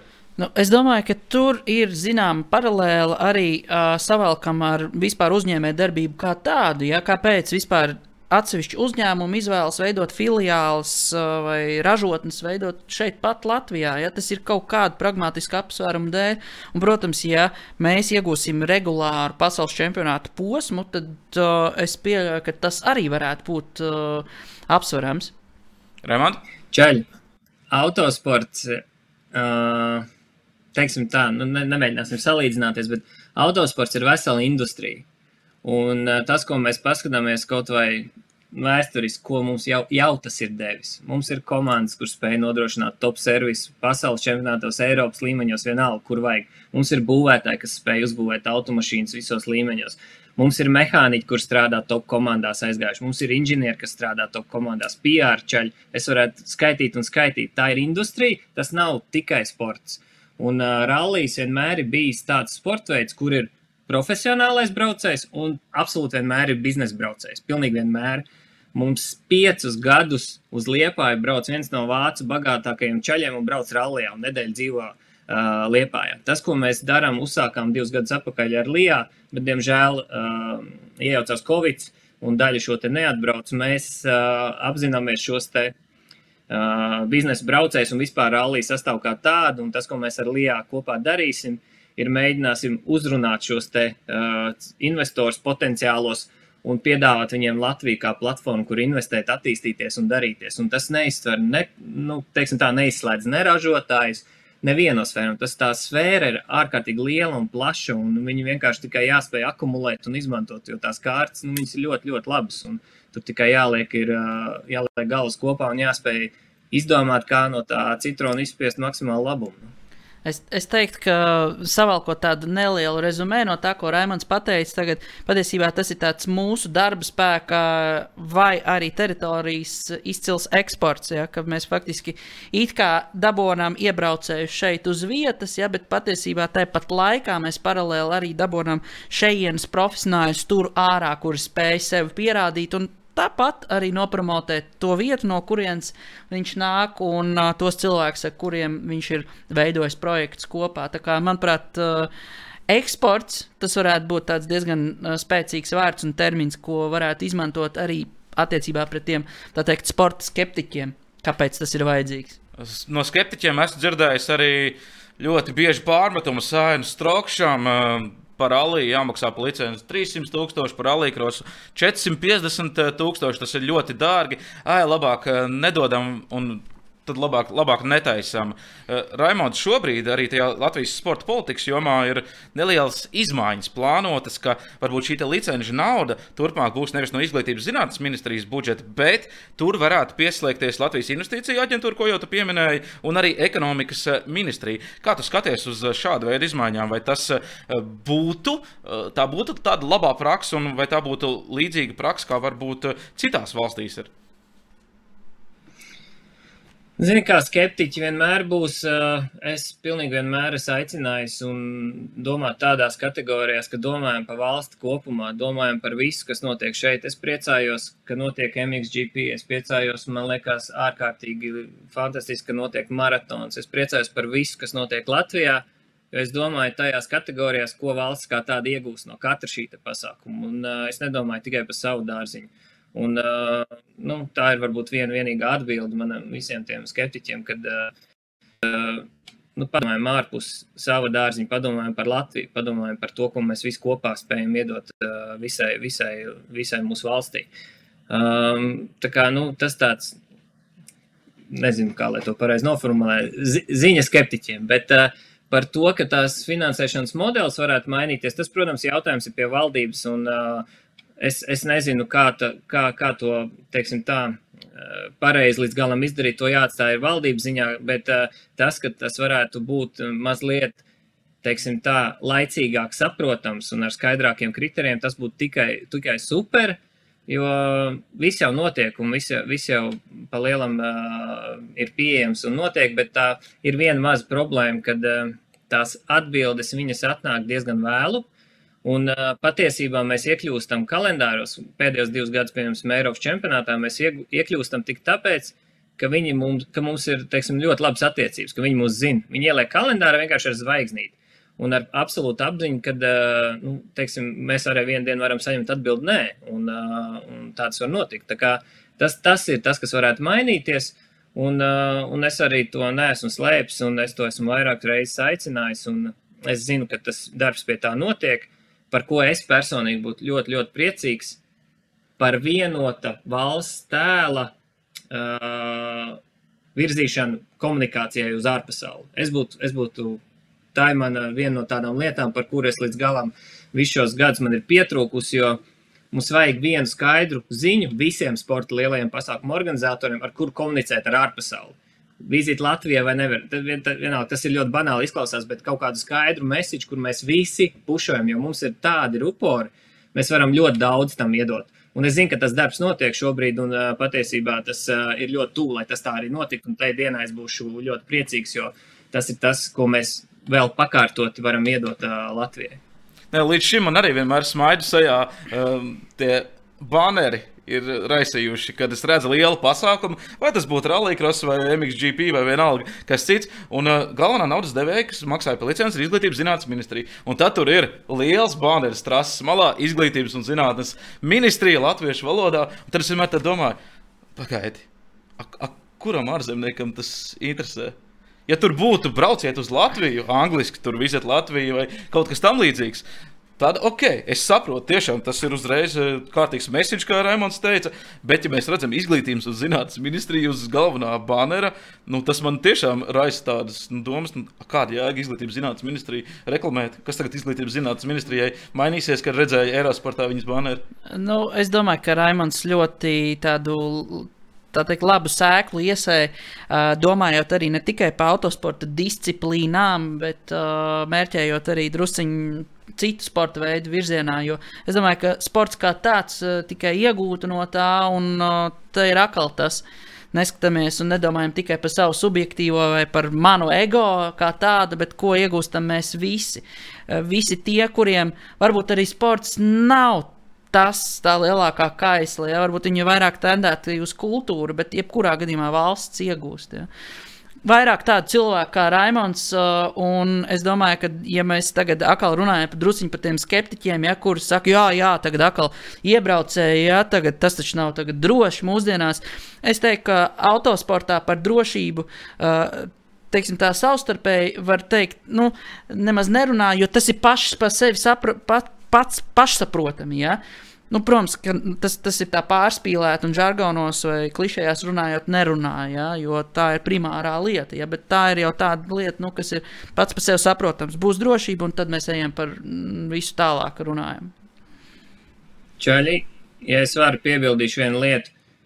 Uh, patiesību sakot, uh, un tas kopsavilkums ir tāds, ka Latvijas valsts kā tāda jau ļoti aktīvi atbalsta ļoti daudz plašus sporta veidus, un uh, mums notiek ļoti daudz lielie pasākumi.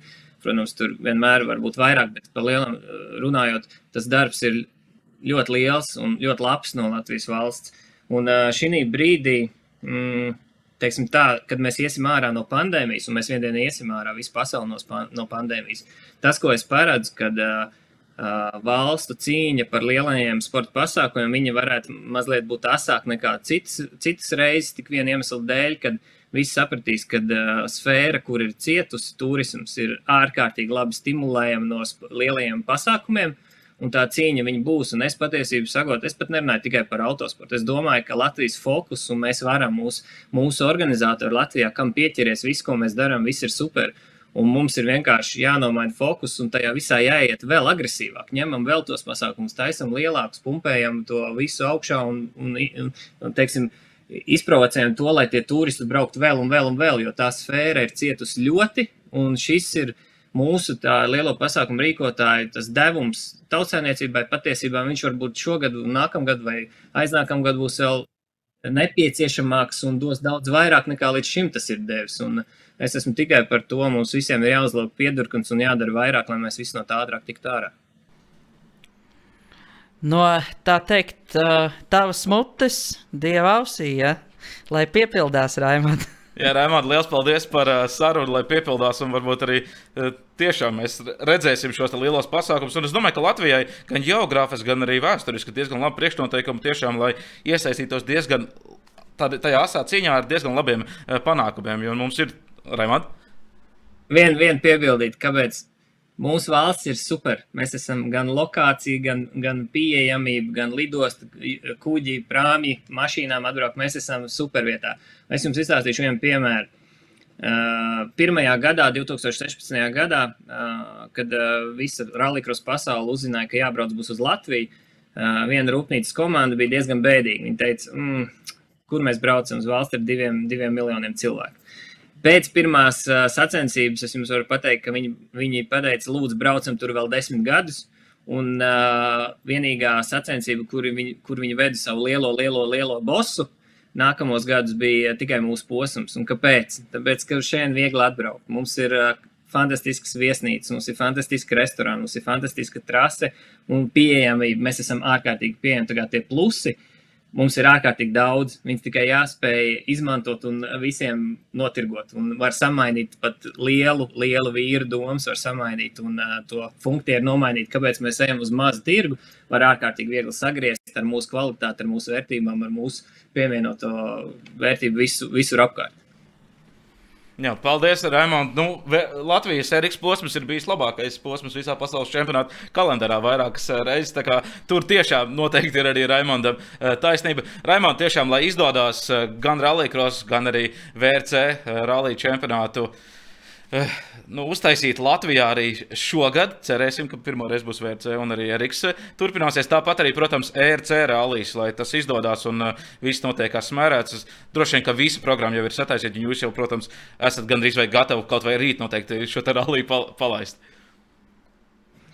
Uh, gatavi nesam, uh, jo arī mēs uh, esam Mums ir teiksim, tā, jādzīvo mazliet uh, prātīgi, jo nu, neviens šobrīd nevar garantēt, vispār, kas notiks. Ja? Mēs, protams, ejam un strādājam uh, no, tādas, no tāda viedokļa ar kaut kādām lielajiem procesiem, kas ir trase un tālāk. Bet pa lielā, nu, teiksim, tā rūpīgi runājot, mēs esam spiesti mazliet strādāt piezemētāk, jo mums ir jāsagaida mazliet tā tendence, uz ko tas ies, jo mēs nedzīvojam ilūzijās ka mums ir kaut kas simtprocentīgi garantēts šogad. Mēs vispār tādās ilūzijās nedzīvojam. Mēs ļoti labi apzināmies, ka uh, var būt tādas situācijas, ka mums, teiksim, tā ir uh, palūdz uh, neorganizēt pasākumu.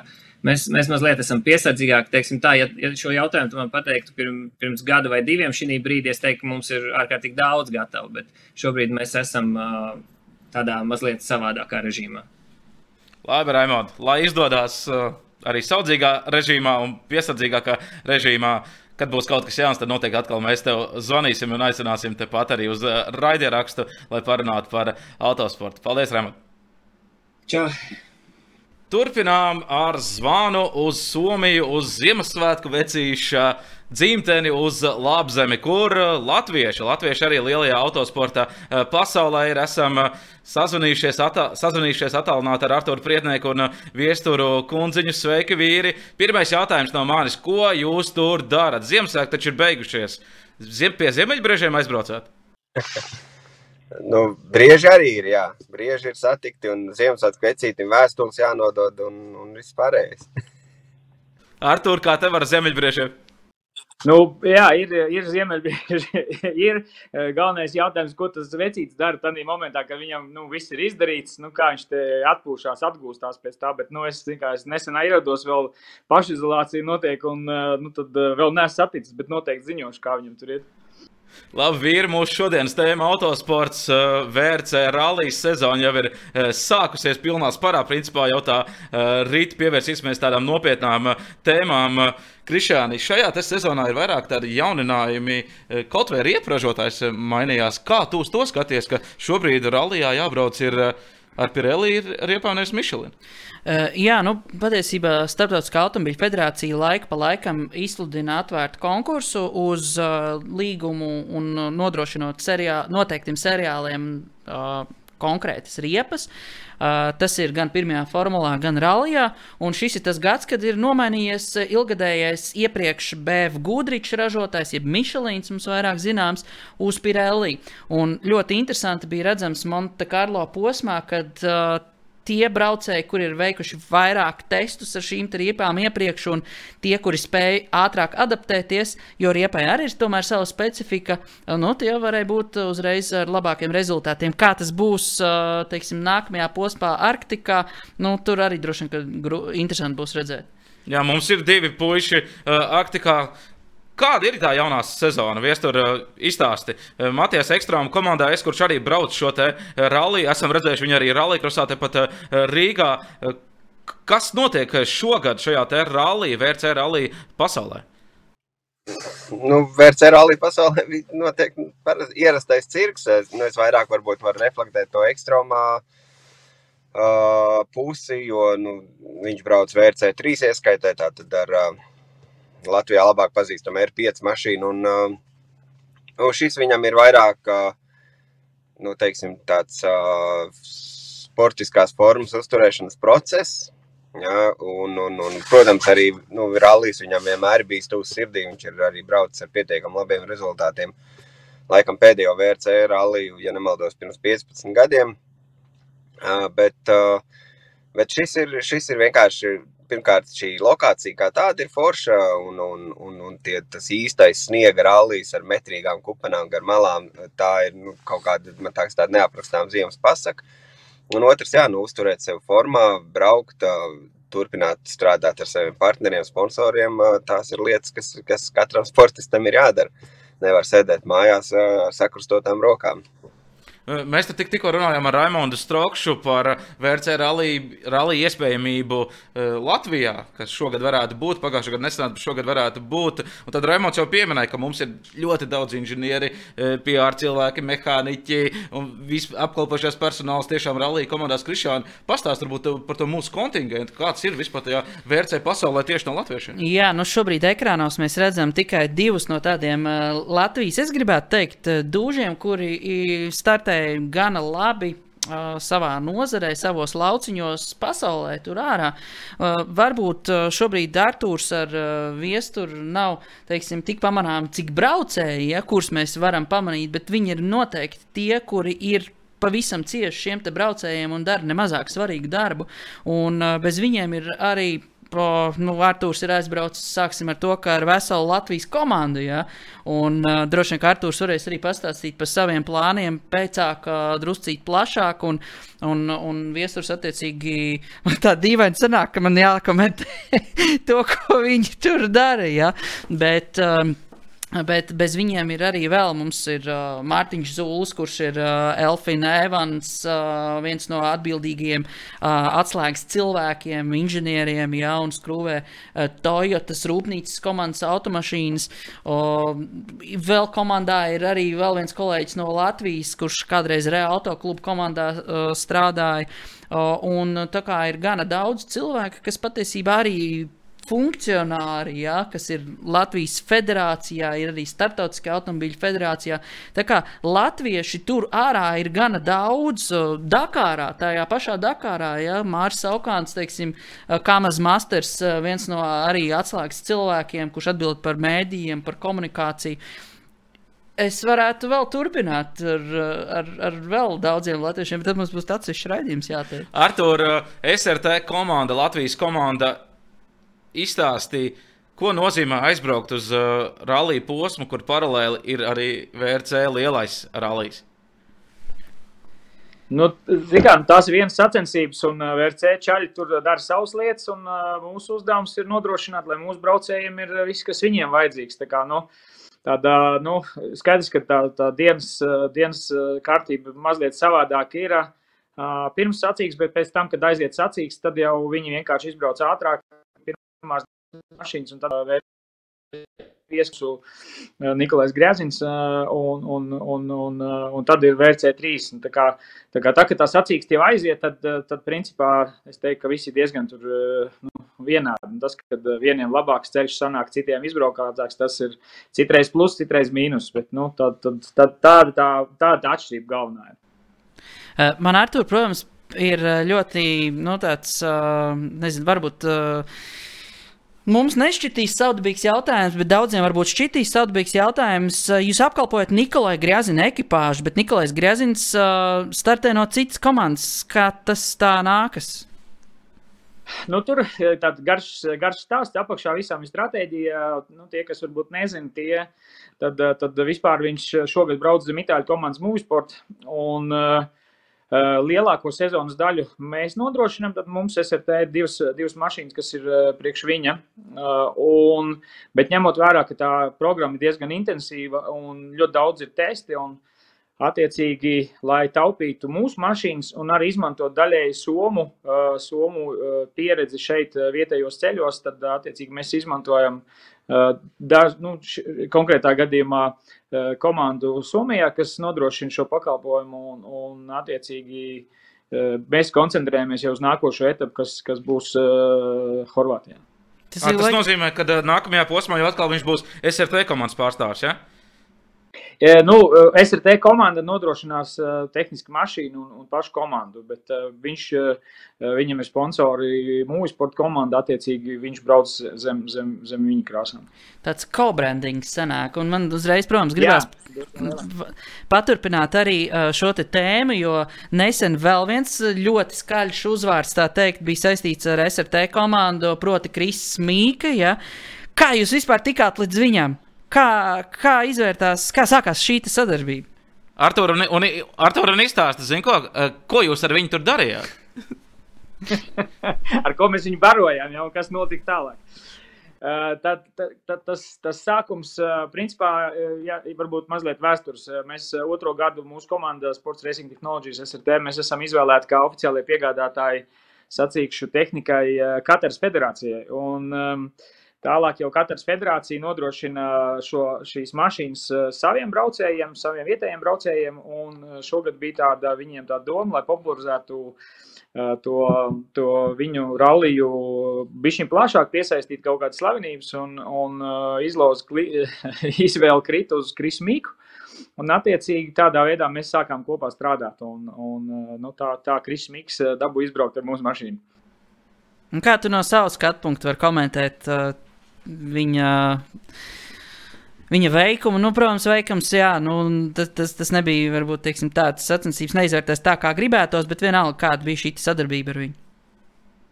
Nu, viņš skaidrs, ka cilvēkam uh, ir ļoti liela pieredze. Ja, un, un jau, no, jau no pirmiem momentiem uh, tur, tur redz, ka tu strādā profesionāli. Un, un viņš arī apzinās savus, uh, teiksim, tā vājās vietas, ja jāsalīdzina ar, ar, ar vietējo braucienu, braucēju, kas tur ir 11 reizes jau Nasars Altī, kas ir uzvarējis, jau tur, nu, nu viņu grūti pārspēt, bet, um, nu, saka, viņš to zināja, viņam bija savs plāns, un, un, un attiecīgi, nu, uh, pirmā dienā bija tāds vairāk super special, kas bija vairāk pasvelts, tur uh, Kris bija ātrāks, bet, uh, bet tur kaut kāda soda pēkšņi parādījās. Nu, labi, tas neiedziļināsimies sīkumos, bet, bet pēc pirmās dienas, saka, mēs bijām ar, ar domu, ka tā nu, būs labi. Un, un arī aizbraucot jau otrā dienā uz ātrumu posmiem, tas rezultāts bija tāds, ka mēs redzējām, ka mēs varēsim pacīnīties ar, ar vietējo grandu tur un, un tā. Bet, nu, diemžēl, diemžēl tas nu,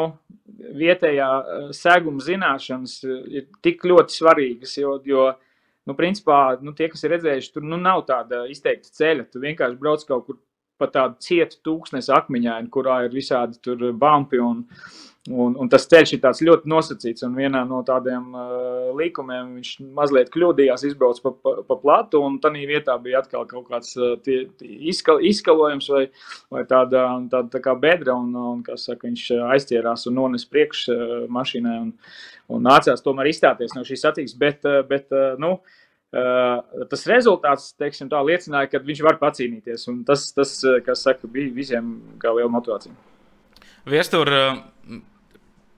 Kā tu domā, cik ļoti grūti vai viegli šajā augstākās raudas autosporta pasaulē ir ienākt jaunajām komandām? Mēs redzam, SRT tagad jau ir attīstījusies, ir jau pamanīta gan Eiropā, gan pasaulē. Kāda ir tā sistēma un kāda varbūt ir tava pieredze tādām jaunām komandām, jauniem autobūvētājiem ienākt lielajā uh, autosporta pasaulē? Nu, man liekas, ka visam aiz muguras ir pirmkārt nu, jābūt pieredzējušam cilvēkam, kā jau Arthurs teica. Nu, tur, ja, ja projektu jau startā vada cilvēks ar pieredzi, tad tā nav tik liela problēma. Ja mēs redzējām, kā Toyota pirms dažiem gadiem ienāca VRC Un nebija tā, ka viņi tur kaut ko pēkšņi skrēja nopakaļ un meklēja, ko, kas kur kā. Nu, tur cilvēki tika savākta komanda ar pieredzi, un visiem viss bija skaidrs, kas ir jādara, kā ir jāattīsta automobīls, kādai jābūt šai attīstības programmai un, un, un, un visam pārējiem. Bet, protams, ja tagad nezinu, nu, vietējais autoklubs no, no mazā ciemata izdomā braukt uz lielām sacensībām, tas prasa noteikti daudz, jo nu, pat pat man, kurš jau ir daudz salīdzinoši braucis apkārt pa pasauli, kat, katra šī detaļas, cik daudz tev ir dokumenti, cik daudz lietas tev ir jāpārdomā, sākot ar to, kur katrs gulēs, kur katram vajag kādam vajag kādus lidojumus, un, un beidzot man pat ne, man laikam murgu rādītos, ja man būtu jākomplektē viss tas tehniskais ekipējums kopā tur, sākot no uzgriežņiem un beidzot ar turbīnām un vispārējo, ko, ko nu drīkst vai nedrīkst mainīt man pat nav tik, tik smalkas tās zināšanas. Tā kā cepuru nostājiem cilvēkiem kā Artūrs, kas, kas var šito izdarīt, kas var sav, savilkt to jostu apkārt komandai un pateikt, tā šī tā tagad būs un tāds, tā, mums ir jāizdara tas un tas un tas. Krišāni, cik svarīgi ir komandai, ka tāda slavenība, Kris Mīke, brauc ar tavu automašīnu. Vai tas būtu Sebastians Loibs, kas brauc ar tavu automašīnu, vai Sebastians Ožērs brauc ar tavu automašīnu. Ko tas dod? Mēs arī iepriekš runājām tieši par to plašo spektru. Uh, tas ir būtiski, tas ir nozīmīgi. Nu, beig beigās tas ir gluži kā, nezinu, ar kādām ar kādiem apaviem skrien Usains Bolts, piemēram. Ja? Tas ir tas pats stāsts faktiski, un te es gribētu arī uzteikt, uh, nu, Girta Krūzmaņa komandu, kurā darbojas Artūrs Priednieks, ja, faktiski tā ir Latvijas, latviešu komanda, uh, kur ir turklāt oficiālais tehnikas piegādātājs pasaules bagātākās valsts automobīļu federācijā, Katārā, ja?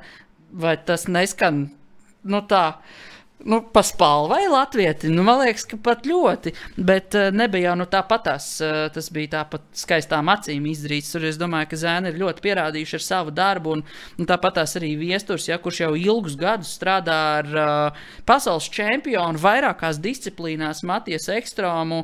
Nu, tas darbs pats par sevi izsaka visu, manuprāt. Un, un tādu cilvēku latviešu ir gana daudz. Vīri, parunāsim par eh, VRC čempionātu. Eh, šogad, eh, paskatoties sastāvu, nu, trīs pieredzējuši vīri palikuši un ir ienākusi tāda jauna paudze. Arī tas pats mūsu zināmais Olivers Solbergs ir jau pieteicis sevi diezgan skaļi. Kā jūs skatāties, varbūt šis, šī sezona būs tāds nedaudz lūzuma punkts, ka tomēr jaunie mēģinās ierādīt vietu vecajiem? Nu, es domāju, ka tieši tā, ka, ka, jā, ka šis, šis ir, ir tas moments, un es domāju, pirmā sacīksta ir jau šī sacīksta, kur, tas, kur Olivers, Oliveram iespēja braukt ar uh, ar jau VRC klases automobīli. Diemžēl viņa stūrmans netika līdz startam, jo viņam uzrādījās pozitīvs Covid tests. Tāpat laikā nākošais tests bija negatīvs atkal, bet tik un tā pēc FIA standartiem nedrīkst piedalīties. Viņam tika piemeklēts ātri aizvietotājs Seps Maršals. Starp citu, Seps Maršals bija stūrmans Krisam Mīkam pie mums Katārā. Tā kā arī pazīstams, pazīstams un ar augstas klases stūrmans, bet, nu, protams, kad uh, kad uh, kaut kādu zināmu rezultātu varbūt uh, nu, tomēr dēļ tā, ka nav bijis šis nu, tāds ilgs sagatavošanās laiks abiem braucējiem ar, ar savu stūrmani, tas, protams, var atstāt kaut kādu iespēju uz rezultātu. Bet, nu, redzēsim, tas būs interesanti. Žēl, protams, ka Dārons netika pie starta, bet, nu, jo, jo tur sadarbības starp Oliveru un Āronu ir ļoti, ļoti laba. Zinot, ar viņiem strādājot pagājušo gadu, es nu, vienkārši nu, tur, saka, baudīju, kā, kā strādā ekipāža. Bet, um, Bet, nu, skatīsimies, jā, bet šī sezona tiešām ir tāda, un es domāju, ka šis ir tāds starposms atkal uz, uz jau nākošo sezonu, kur atkal būs jau, jau kas saka, jauni, nu, kas saka, jau, jauni braucēji, tur ir VRC bariņā. Tā kā tas, nu, tāds pārējais posms noteikti šis ir viens. Es gan, es gan teiktu, ka tas posms ir visu laiku. Viņš ir tāds process, jo, ja mēs skatāmies, paņemot kaut vai to pašu kalnu, kurš šobrīd jau ir, nu, teiksim, tā, ir iegūst to ātrumu, nu, nav tā, ka viņš vakar atnāca. Viņš jau ir gājis cauri visiem, visām kategorijām un soli pa solim un, un sāk ar to, jo tā dažiem rallijiem un tā, tagad jau viņš ir pilnvērtīgs braucējs un var pacīnīties par ātrumposmu un pat ralliju uzvarām. Es domāju, tas process, ir tāds dabīgs, tā kā paauģu maiņa pat, nu, pat dzīvē. Tas nav vienas dienas vai pat viena gada jautājums. Mēs redzam, Olivers tāpatās, kad viņš Latvijā sāka braukt, cik viņam bija ar tur 14 gadi vai cik, jā, nu tagad viņš jau ir jā. paaudzies un, un, un izaudzis līdz pasaules līmenim. Un ar šogad jau mēs, nu, nebūtu godīgi no viņa prasīt tagad uzvaru vai, vai kaut kādus labākos laikus. Viņam ir jānobrauc savu 1000 km vai 2000 vai 3000. Es nezinu, cik, jā, lai vispār saprastu to mašīnu līdz galam, jo tā tomēr ir pavisam cita tehnika. Uh, Un tad, kad viņš to izdarīs, tad jau mēs varam sākt gaidīt arī rezultātu. Krišāni, šogad ir arī jauna attīstības trepe, tā varētu teikt, pasaules uh, rallijā. Šī sadarbība starp VRC un arī ERC, kas ir Eiropas nākamais līmenis, paskaidro, kas ir mainījies no šīs sezonas. O, jā, uh, mēs uh, sākotnēji arī iepazināmies ar šo attīstības strepu, tad, kad startējām kopā ar Mārtiņu Sesku pasaules čempionātā, tā teikt, uh, junior VRC programmā, ja, kas ir tāds pirmais posms attīstības strepē ceļā uz nu, lielajām automašīnām. Ja. Tad ERC un VRC mm, tie bija dažādi promoteri, kas arī saglabājas šobrīd, ja, bet šie čempionāti nebija nekādā mērā saistīti. Un šobrīd uh, Junior VRC mm, promoters, kas ir M-Sport, faktiski polijas vienība, ja, viņi jau kooperējās un izstrādā šo attīstības programmu saistītu ar Eiropas čempionātu. Piemēram, pagājušā gada Eiropas čempions junior kate kategorijā Igaunis, starp citu, uh, Uh, viņš tika pie iespējas uh, startēt uh, pilnu programmu un jau varēja izvēlēties čempionātu, vai nu tas ir ERC vai nu VRC. Turklāt šī iespēja ir arī ar dažādām tehnikas vienībām, vai nu tā ir priekšpiedziņas mūsu zināmā R2 automašīnas kategorija, ar kādu arī mēs startējām, vai tas ir jau nākamais posms ERC3 kategorijas automašīna, kas ir pilnpiedziņa, tas ir tāds jaunievedums. Ja? Un uh, Fords tagad būs, manuprāt, uh, ja ne vienīgais, tad, uh, man, ja ne viens no retiem, tad, manuprāt, pat vienīgais, kuram būs pilnīgi visas šīs klases automašīnas. Un tā kā varbūt tas ir tāds neliels mikslis, ja, un cilvēkiem sākotnēji liekas, pak, pak, tad man tad nav īsti skaidrs, ja, bet uh, ko tas dod pašiem braucējiem, tas dod pašiem braucējiem izvēlēties vairāk čempionātu, kuram es esmu gatavs, kā braucējs, vai kurš man ir pieejamāks no finanšu viedokļa. Tā kā tās iespējas ir, nu, var redzēt, ka gan organizatori, ne tikai, teiksim, sacensību organizatori, ja, bet noteikti čempionāti, kas ietver sevi arī tehnikas vienību apkalpošanu par to domā, jo paudžu maiņa notiek. Sebastians Ožērs arī skaidri un gaiši pateica, ka šī viņam būs beidzamā sezona, ja, tāpat laikā, ko mēs redzam arī no Matijas Ekstrom, kurš nav pats 11 gadus startējis rallijā, viņš atgriežas uz šādu disciplīnu, kas nu, šķietam tā formas uzturēšana, ja startēt pasaules čempionātā rallijā, nu, tas nav vienkārši. Ko Mārtiņam Seskam uh, dod šī trepas izmaiņa? Uh, izvēles iespējas arī viennozīmīgi tas ir, tas ir viens, uh, jo skaidrs, ka šī jaunā kategorija, kas ir izveidota pilnpiedziņas automašīna, kas ir uh, drusciņi ar zemāku tehnisku spēju nekā R5 kategorijas automašīna, kas ir VRC2 kategorija.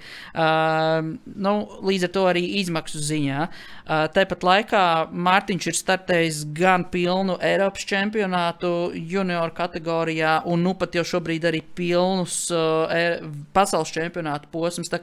Viņš jau var saprast, piemēram, šajā gadījumā konkrēti no savas skatu punkta, kurā čempionātā viņš jūtas spēcīgāks, vai kurš viņam dotu lielāku potenciālu un pienesumu šajā brīdī. Un es domāju, ka tādu sportistu ir gana daudz, ja, kuri grib izsisties uz šo lielo teikt, skatuvi, bet varbūt nevar to veikt uzreiz ar vienu soli. Tas patiesībā nav iespējams. Tur ir vajadzīga ilgtermiņa stratēģija un domāšana, izveidot šādas lietas. Un, Tāpat tās viestures ar Arthuru arī. Viņi nav tur tikuši vienu gadu laikā, kur viņi ir šobrīd. Tas ir ilgtermiņa darbs. Artur, SRT komanda arī ERC posmos ir piedalījusies. Ko jūs, kā jūsu komanda skatās uz šo atjaunināto trepi? Jo ļoti bieži SRT komandas braucēji, SRT komanda braucējiem ir bijusi tāds tā atspērienu punkts tālākajai karjerai. Nu, jā, skaidrs, ka kad, kad mums braucēji braukuši gan, gan Eiropu, gan arī pasauli, arī, arī Nikolais braucis Eiropas un arī juniors uzvarējis Eiropā. Un, un, un, un arī šogad ir plāni braukt arī kaut kādās sacīkstēs, kas būs arī Eiropas čempionātā, jo tieši tā braukšana un, un tā programma ir diezgan plaša, lai, lai uzturētu sevi formā un, un, un, un nu, saka, sasniegt labu rezultātu. Tā kā, nu, uh, Vēl jāskatās, nu, šo, šie pēdējie divi gadi parāda, ka principā jābrauc visur, kur var braukt, jo visu laiku tiek kaut kas atcelts un tā tālāk. Nu, tāpēc, ja, ja ir sacīks, tad, tad viņi ir jāizmanto, lai, lai varētu braukt. Nu, pēc, pēc šobrīd man liekas, ka nu, jau pasaules čempionāta rīkotāji ir, jau apmēram sapratuši un iemācījušies to tik galā to situāciju. Ir ļoti liela drošības pasākuma, kas jāievēro. Bet eh, nu, tad viss tas, tas pasākums tomēr sāk eh, izskatās, ka sāk notikties. Un, un, un, un cerams, ka eh, nu, nebūs daudz sacīks, kurus vajadzēs šogad tomēr atcelt dēļ, dēļ Covid. Tā kā tā.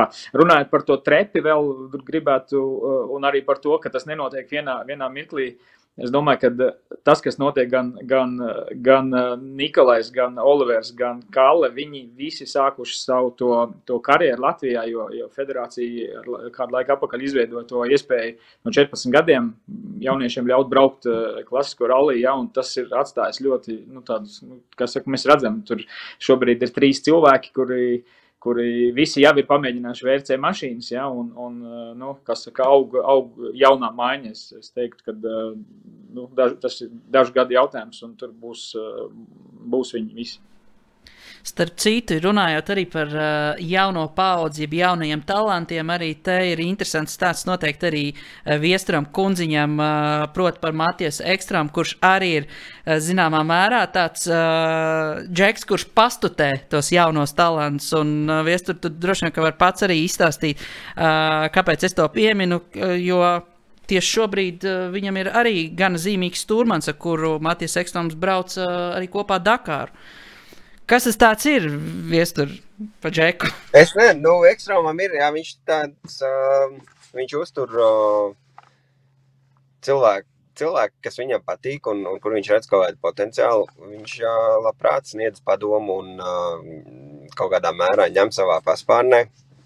Uh, gan DTM, tāds Niko Mullers uh, ir uh, arī jauns čalis un, un, un pietiekami daudz jau ir vinnējis. Uh, Tāpat tās arī tur arī mūsu reini savā ziņā, jā, arī zinu, ka Reinis ar Matijas arī joprojām ir ik pa laikam kontaktā un, un apmainās viedokļiem par kaut kādiem, par kaut kādiem jautājumiem. Un, un tagad ir uh, Emīls Berkvists, kas ir junior čempions rallijā.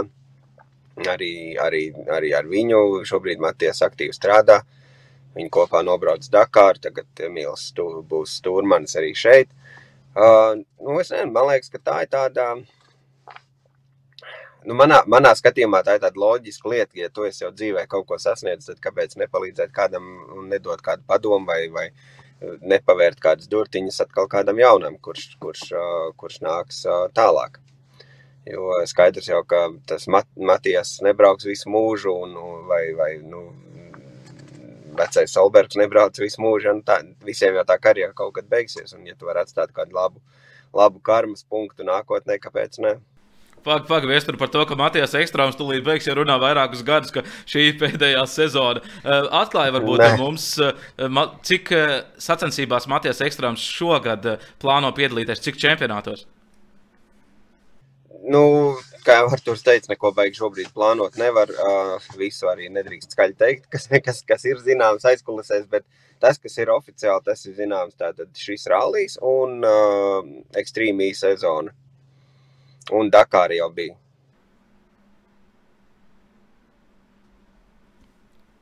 Tā, tu gribi, lai es papildinu kaut ko, kas nu, ir ekstrēma īsezona? Ja? ekstrēma īsezona viesturs noteikti izstāstīs vairāk, ja, bet Matijas Ekstrāns gluži kā daudzi citi. Uh, nu, mums vairāk zināmo disciplīnu, rallijas, rallija pārstāvji ir iesaistījušies uh, off-road uh, projektos, kas ir saistīti ar uh, elektrifikāciju. Uh, tas pats Sebastians Loips, viņam arī būs līdzīgs projekts, Matiesam Ekstromam arī ir šis te projekts, kas ir tāds, nu, īstenībā viesturs varētu arī pastāstīt pāris vārdos, kas tas ir, jo, jo daudzi šie projekti ir it kā nesaistīti, bet tāpat laikā arī saistīti, jā. Tā kā nu, man, man liekas, elektrifikācija. Tu... Jā. Jā, man liekas, ka tu, tu, principā, tu par vienu to pašu projektu runā. Tad, tad jā, ekstrēmī ir jauns projekts, viņu uh, veido tie paši cilvēki, kas veido Formuli I. Tāda elektriskā formula, tagad būs elektriskais mm, offroad. Un uh, tas formāts būs tāds ļoti saudabīgs, tā, tās mašīnas diezgan lielas, atgādina tādas tā kā Cybertrakus, jā? Jā, Dakārs, tādas bagīs. Um, viņas ir elektriskas, viņas brauks kaut ko līdzīgu rallija formātam. Tā tad būs kopējs starts un, un bakstīs viens otram sānos, bet uh, komandā ir divi braucēji, ir uh, vīrietis un sieviete. Un sacensību vidū ir uh, jāmainās. Opā, tad, ka, opā, tad viņi noķēruši arī dzimumu līdztiesības kārti.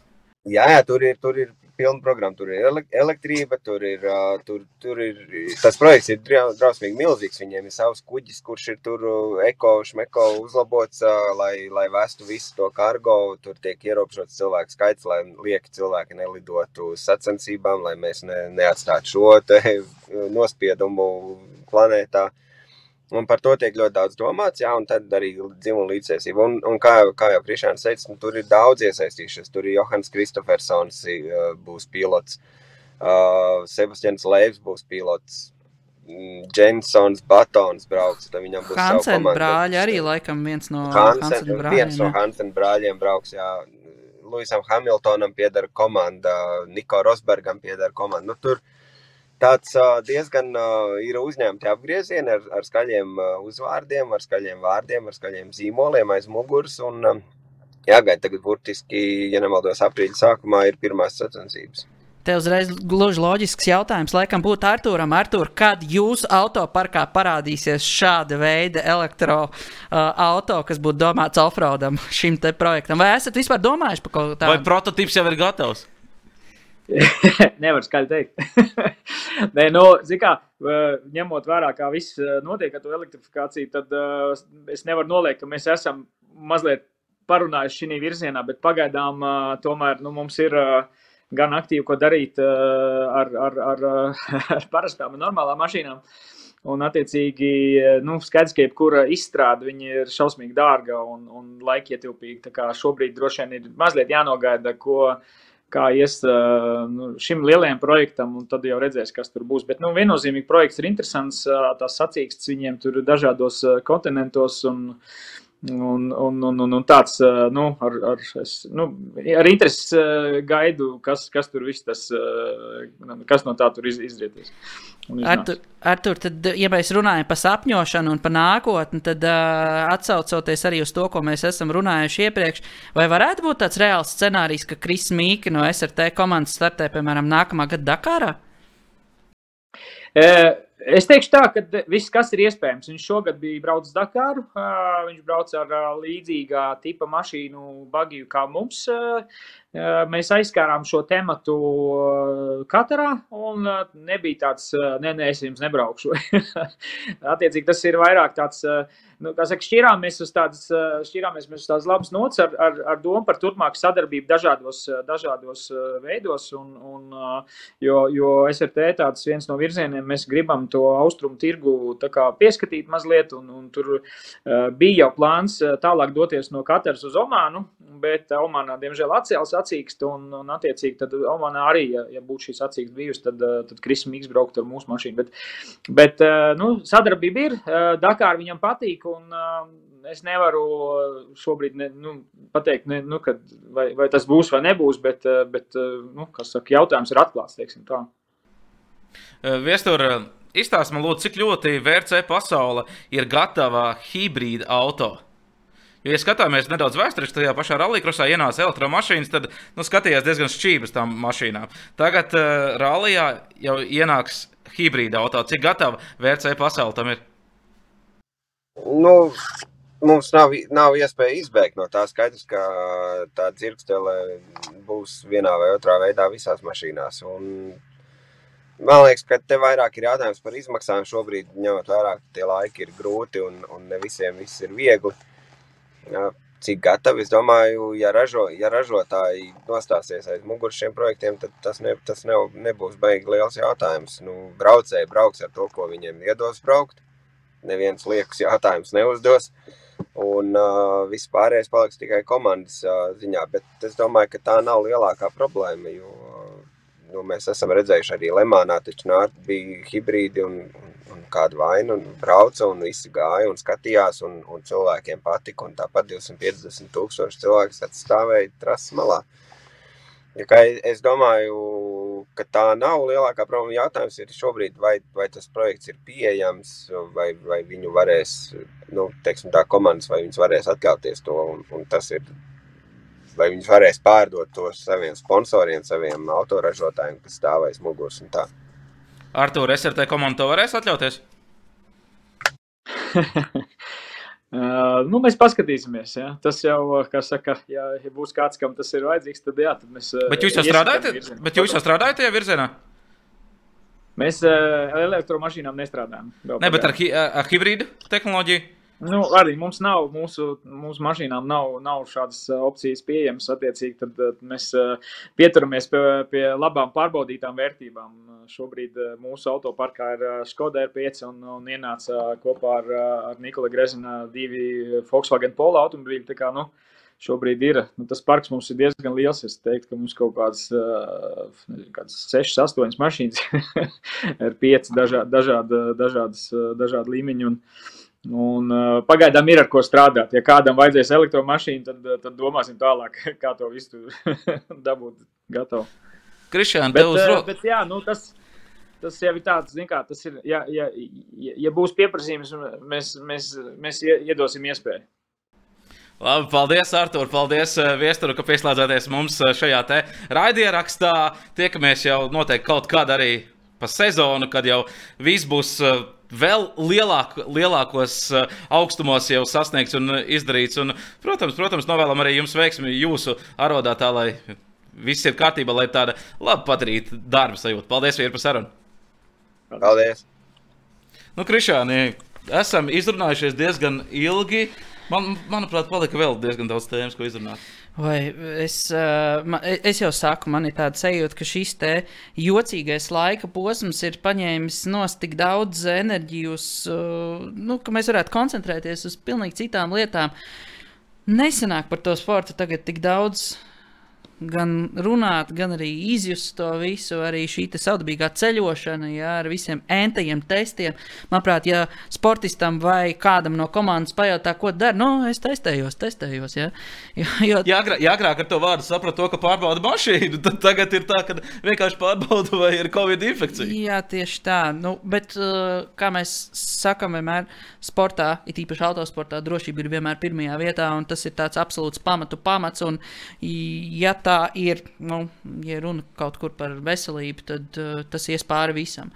Un tikai tad sāksies sports, jo bez veselības sports nav iespējams. Krišāna, teikšu arī tev paldies, bet mēs ar jums, skatītāji, tiksimies jau nākamajos sporta studijas raidierakstos. Katru nedēļu runāsim par mūsu prāta aktuālajām tēmām Latvijas un arī, protams, pasaules sportā. Vislabāk!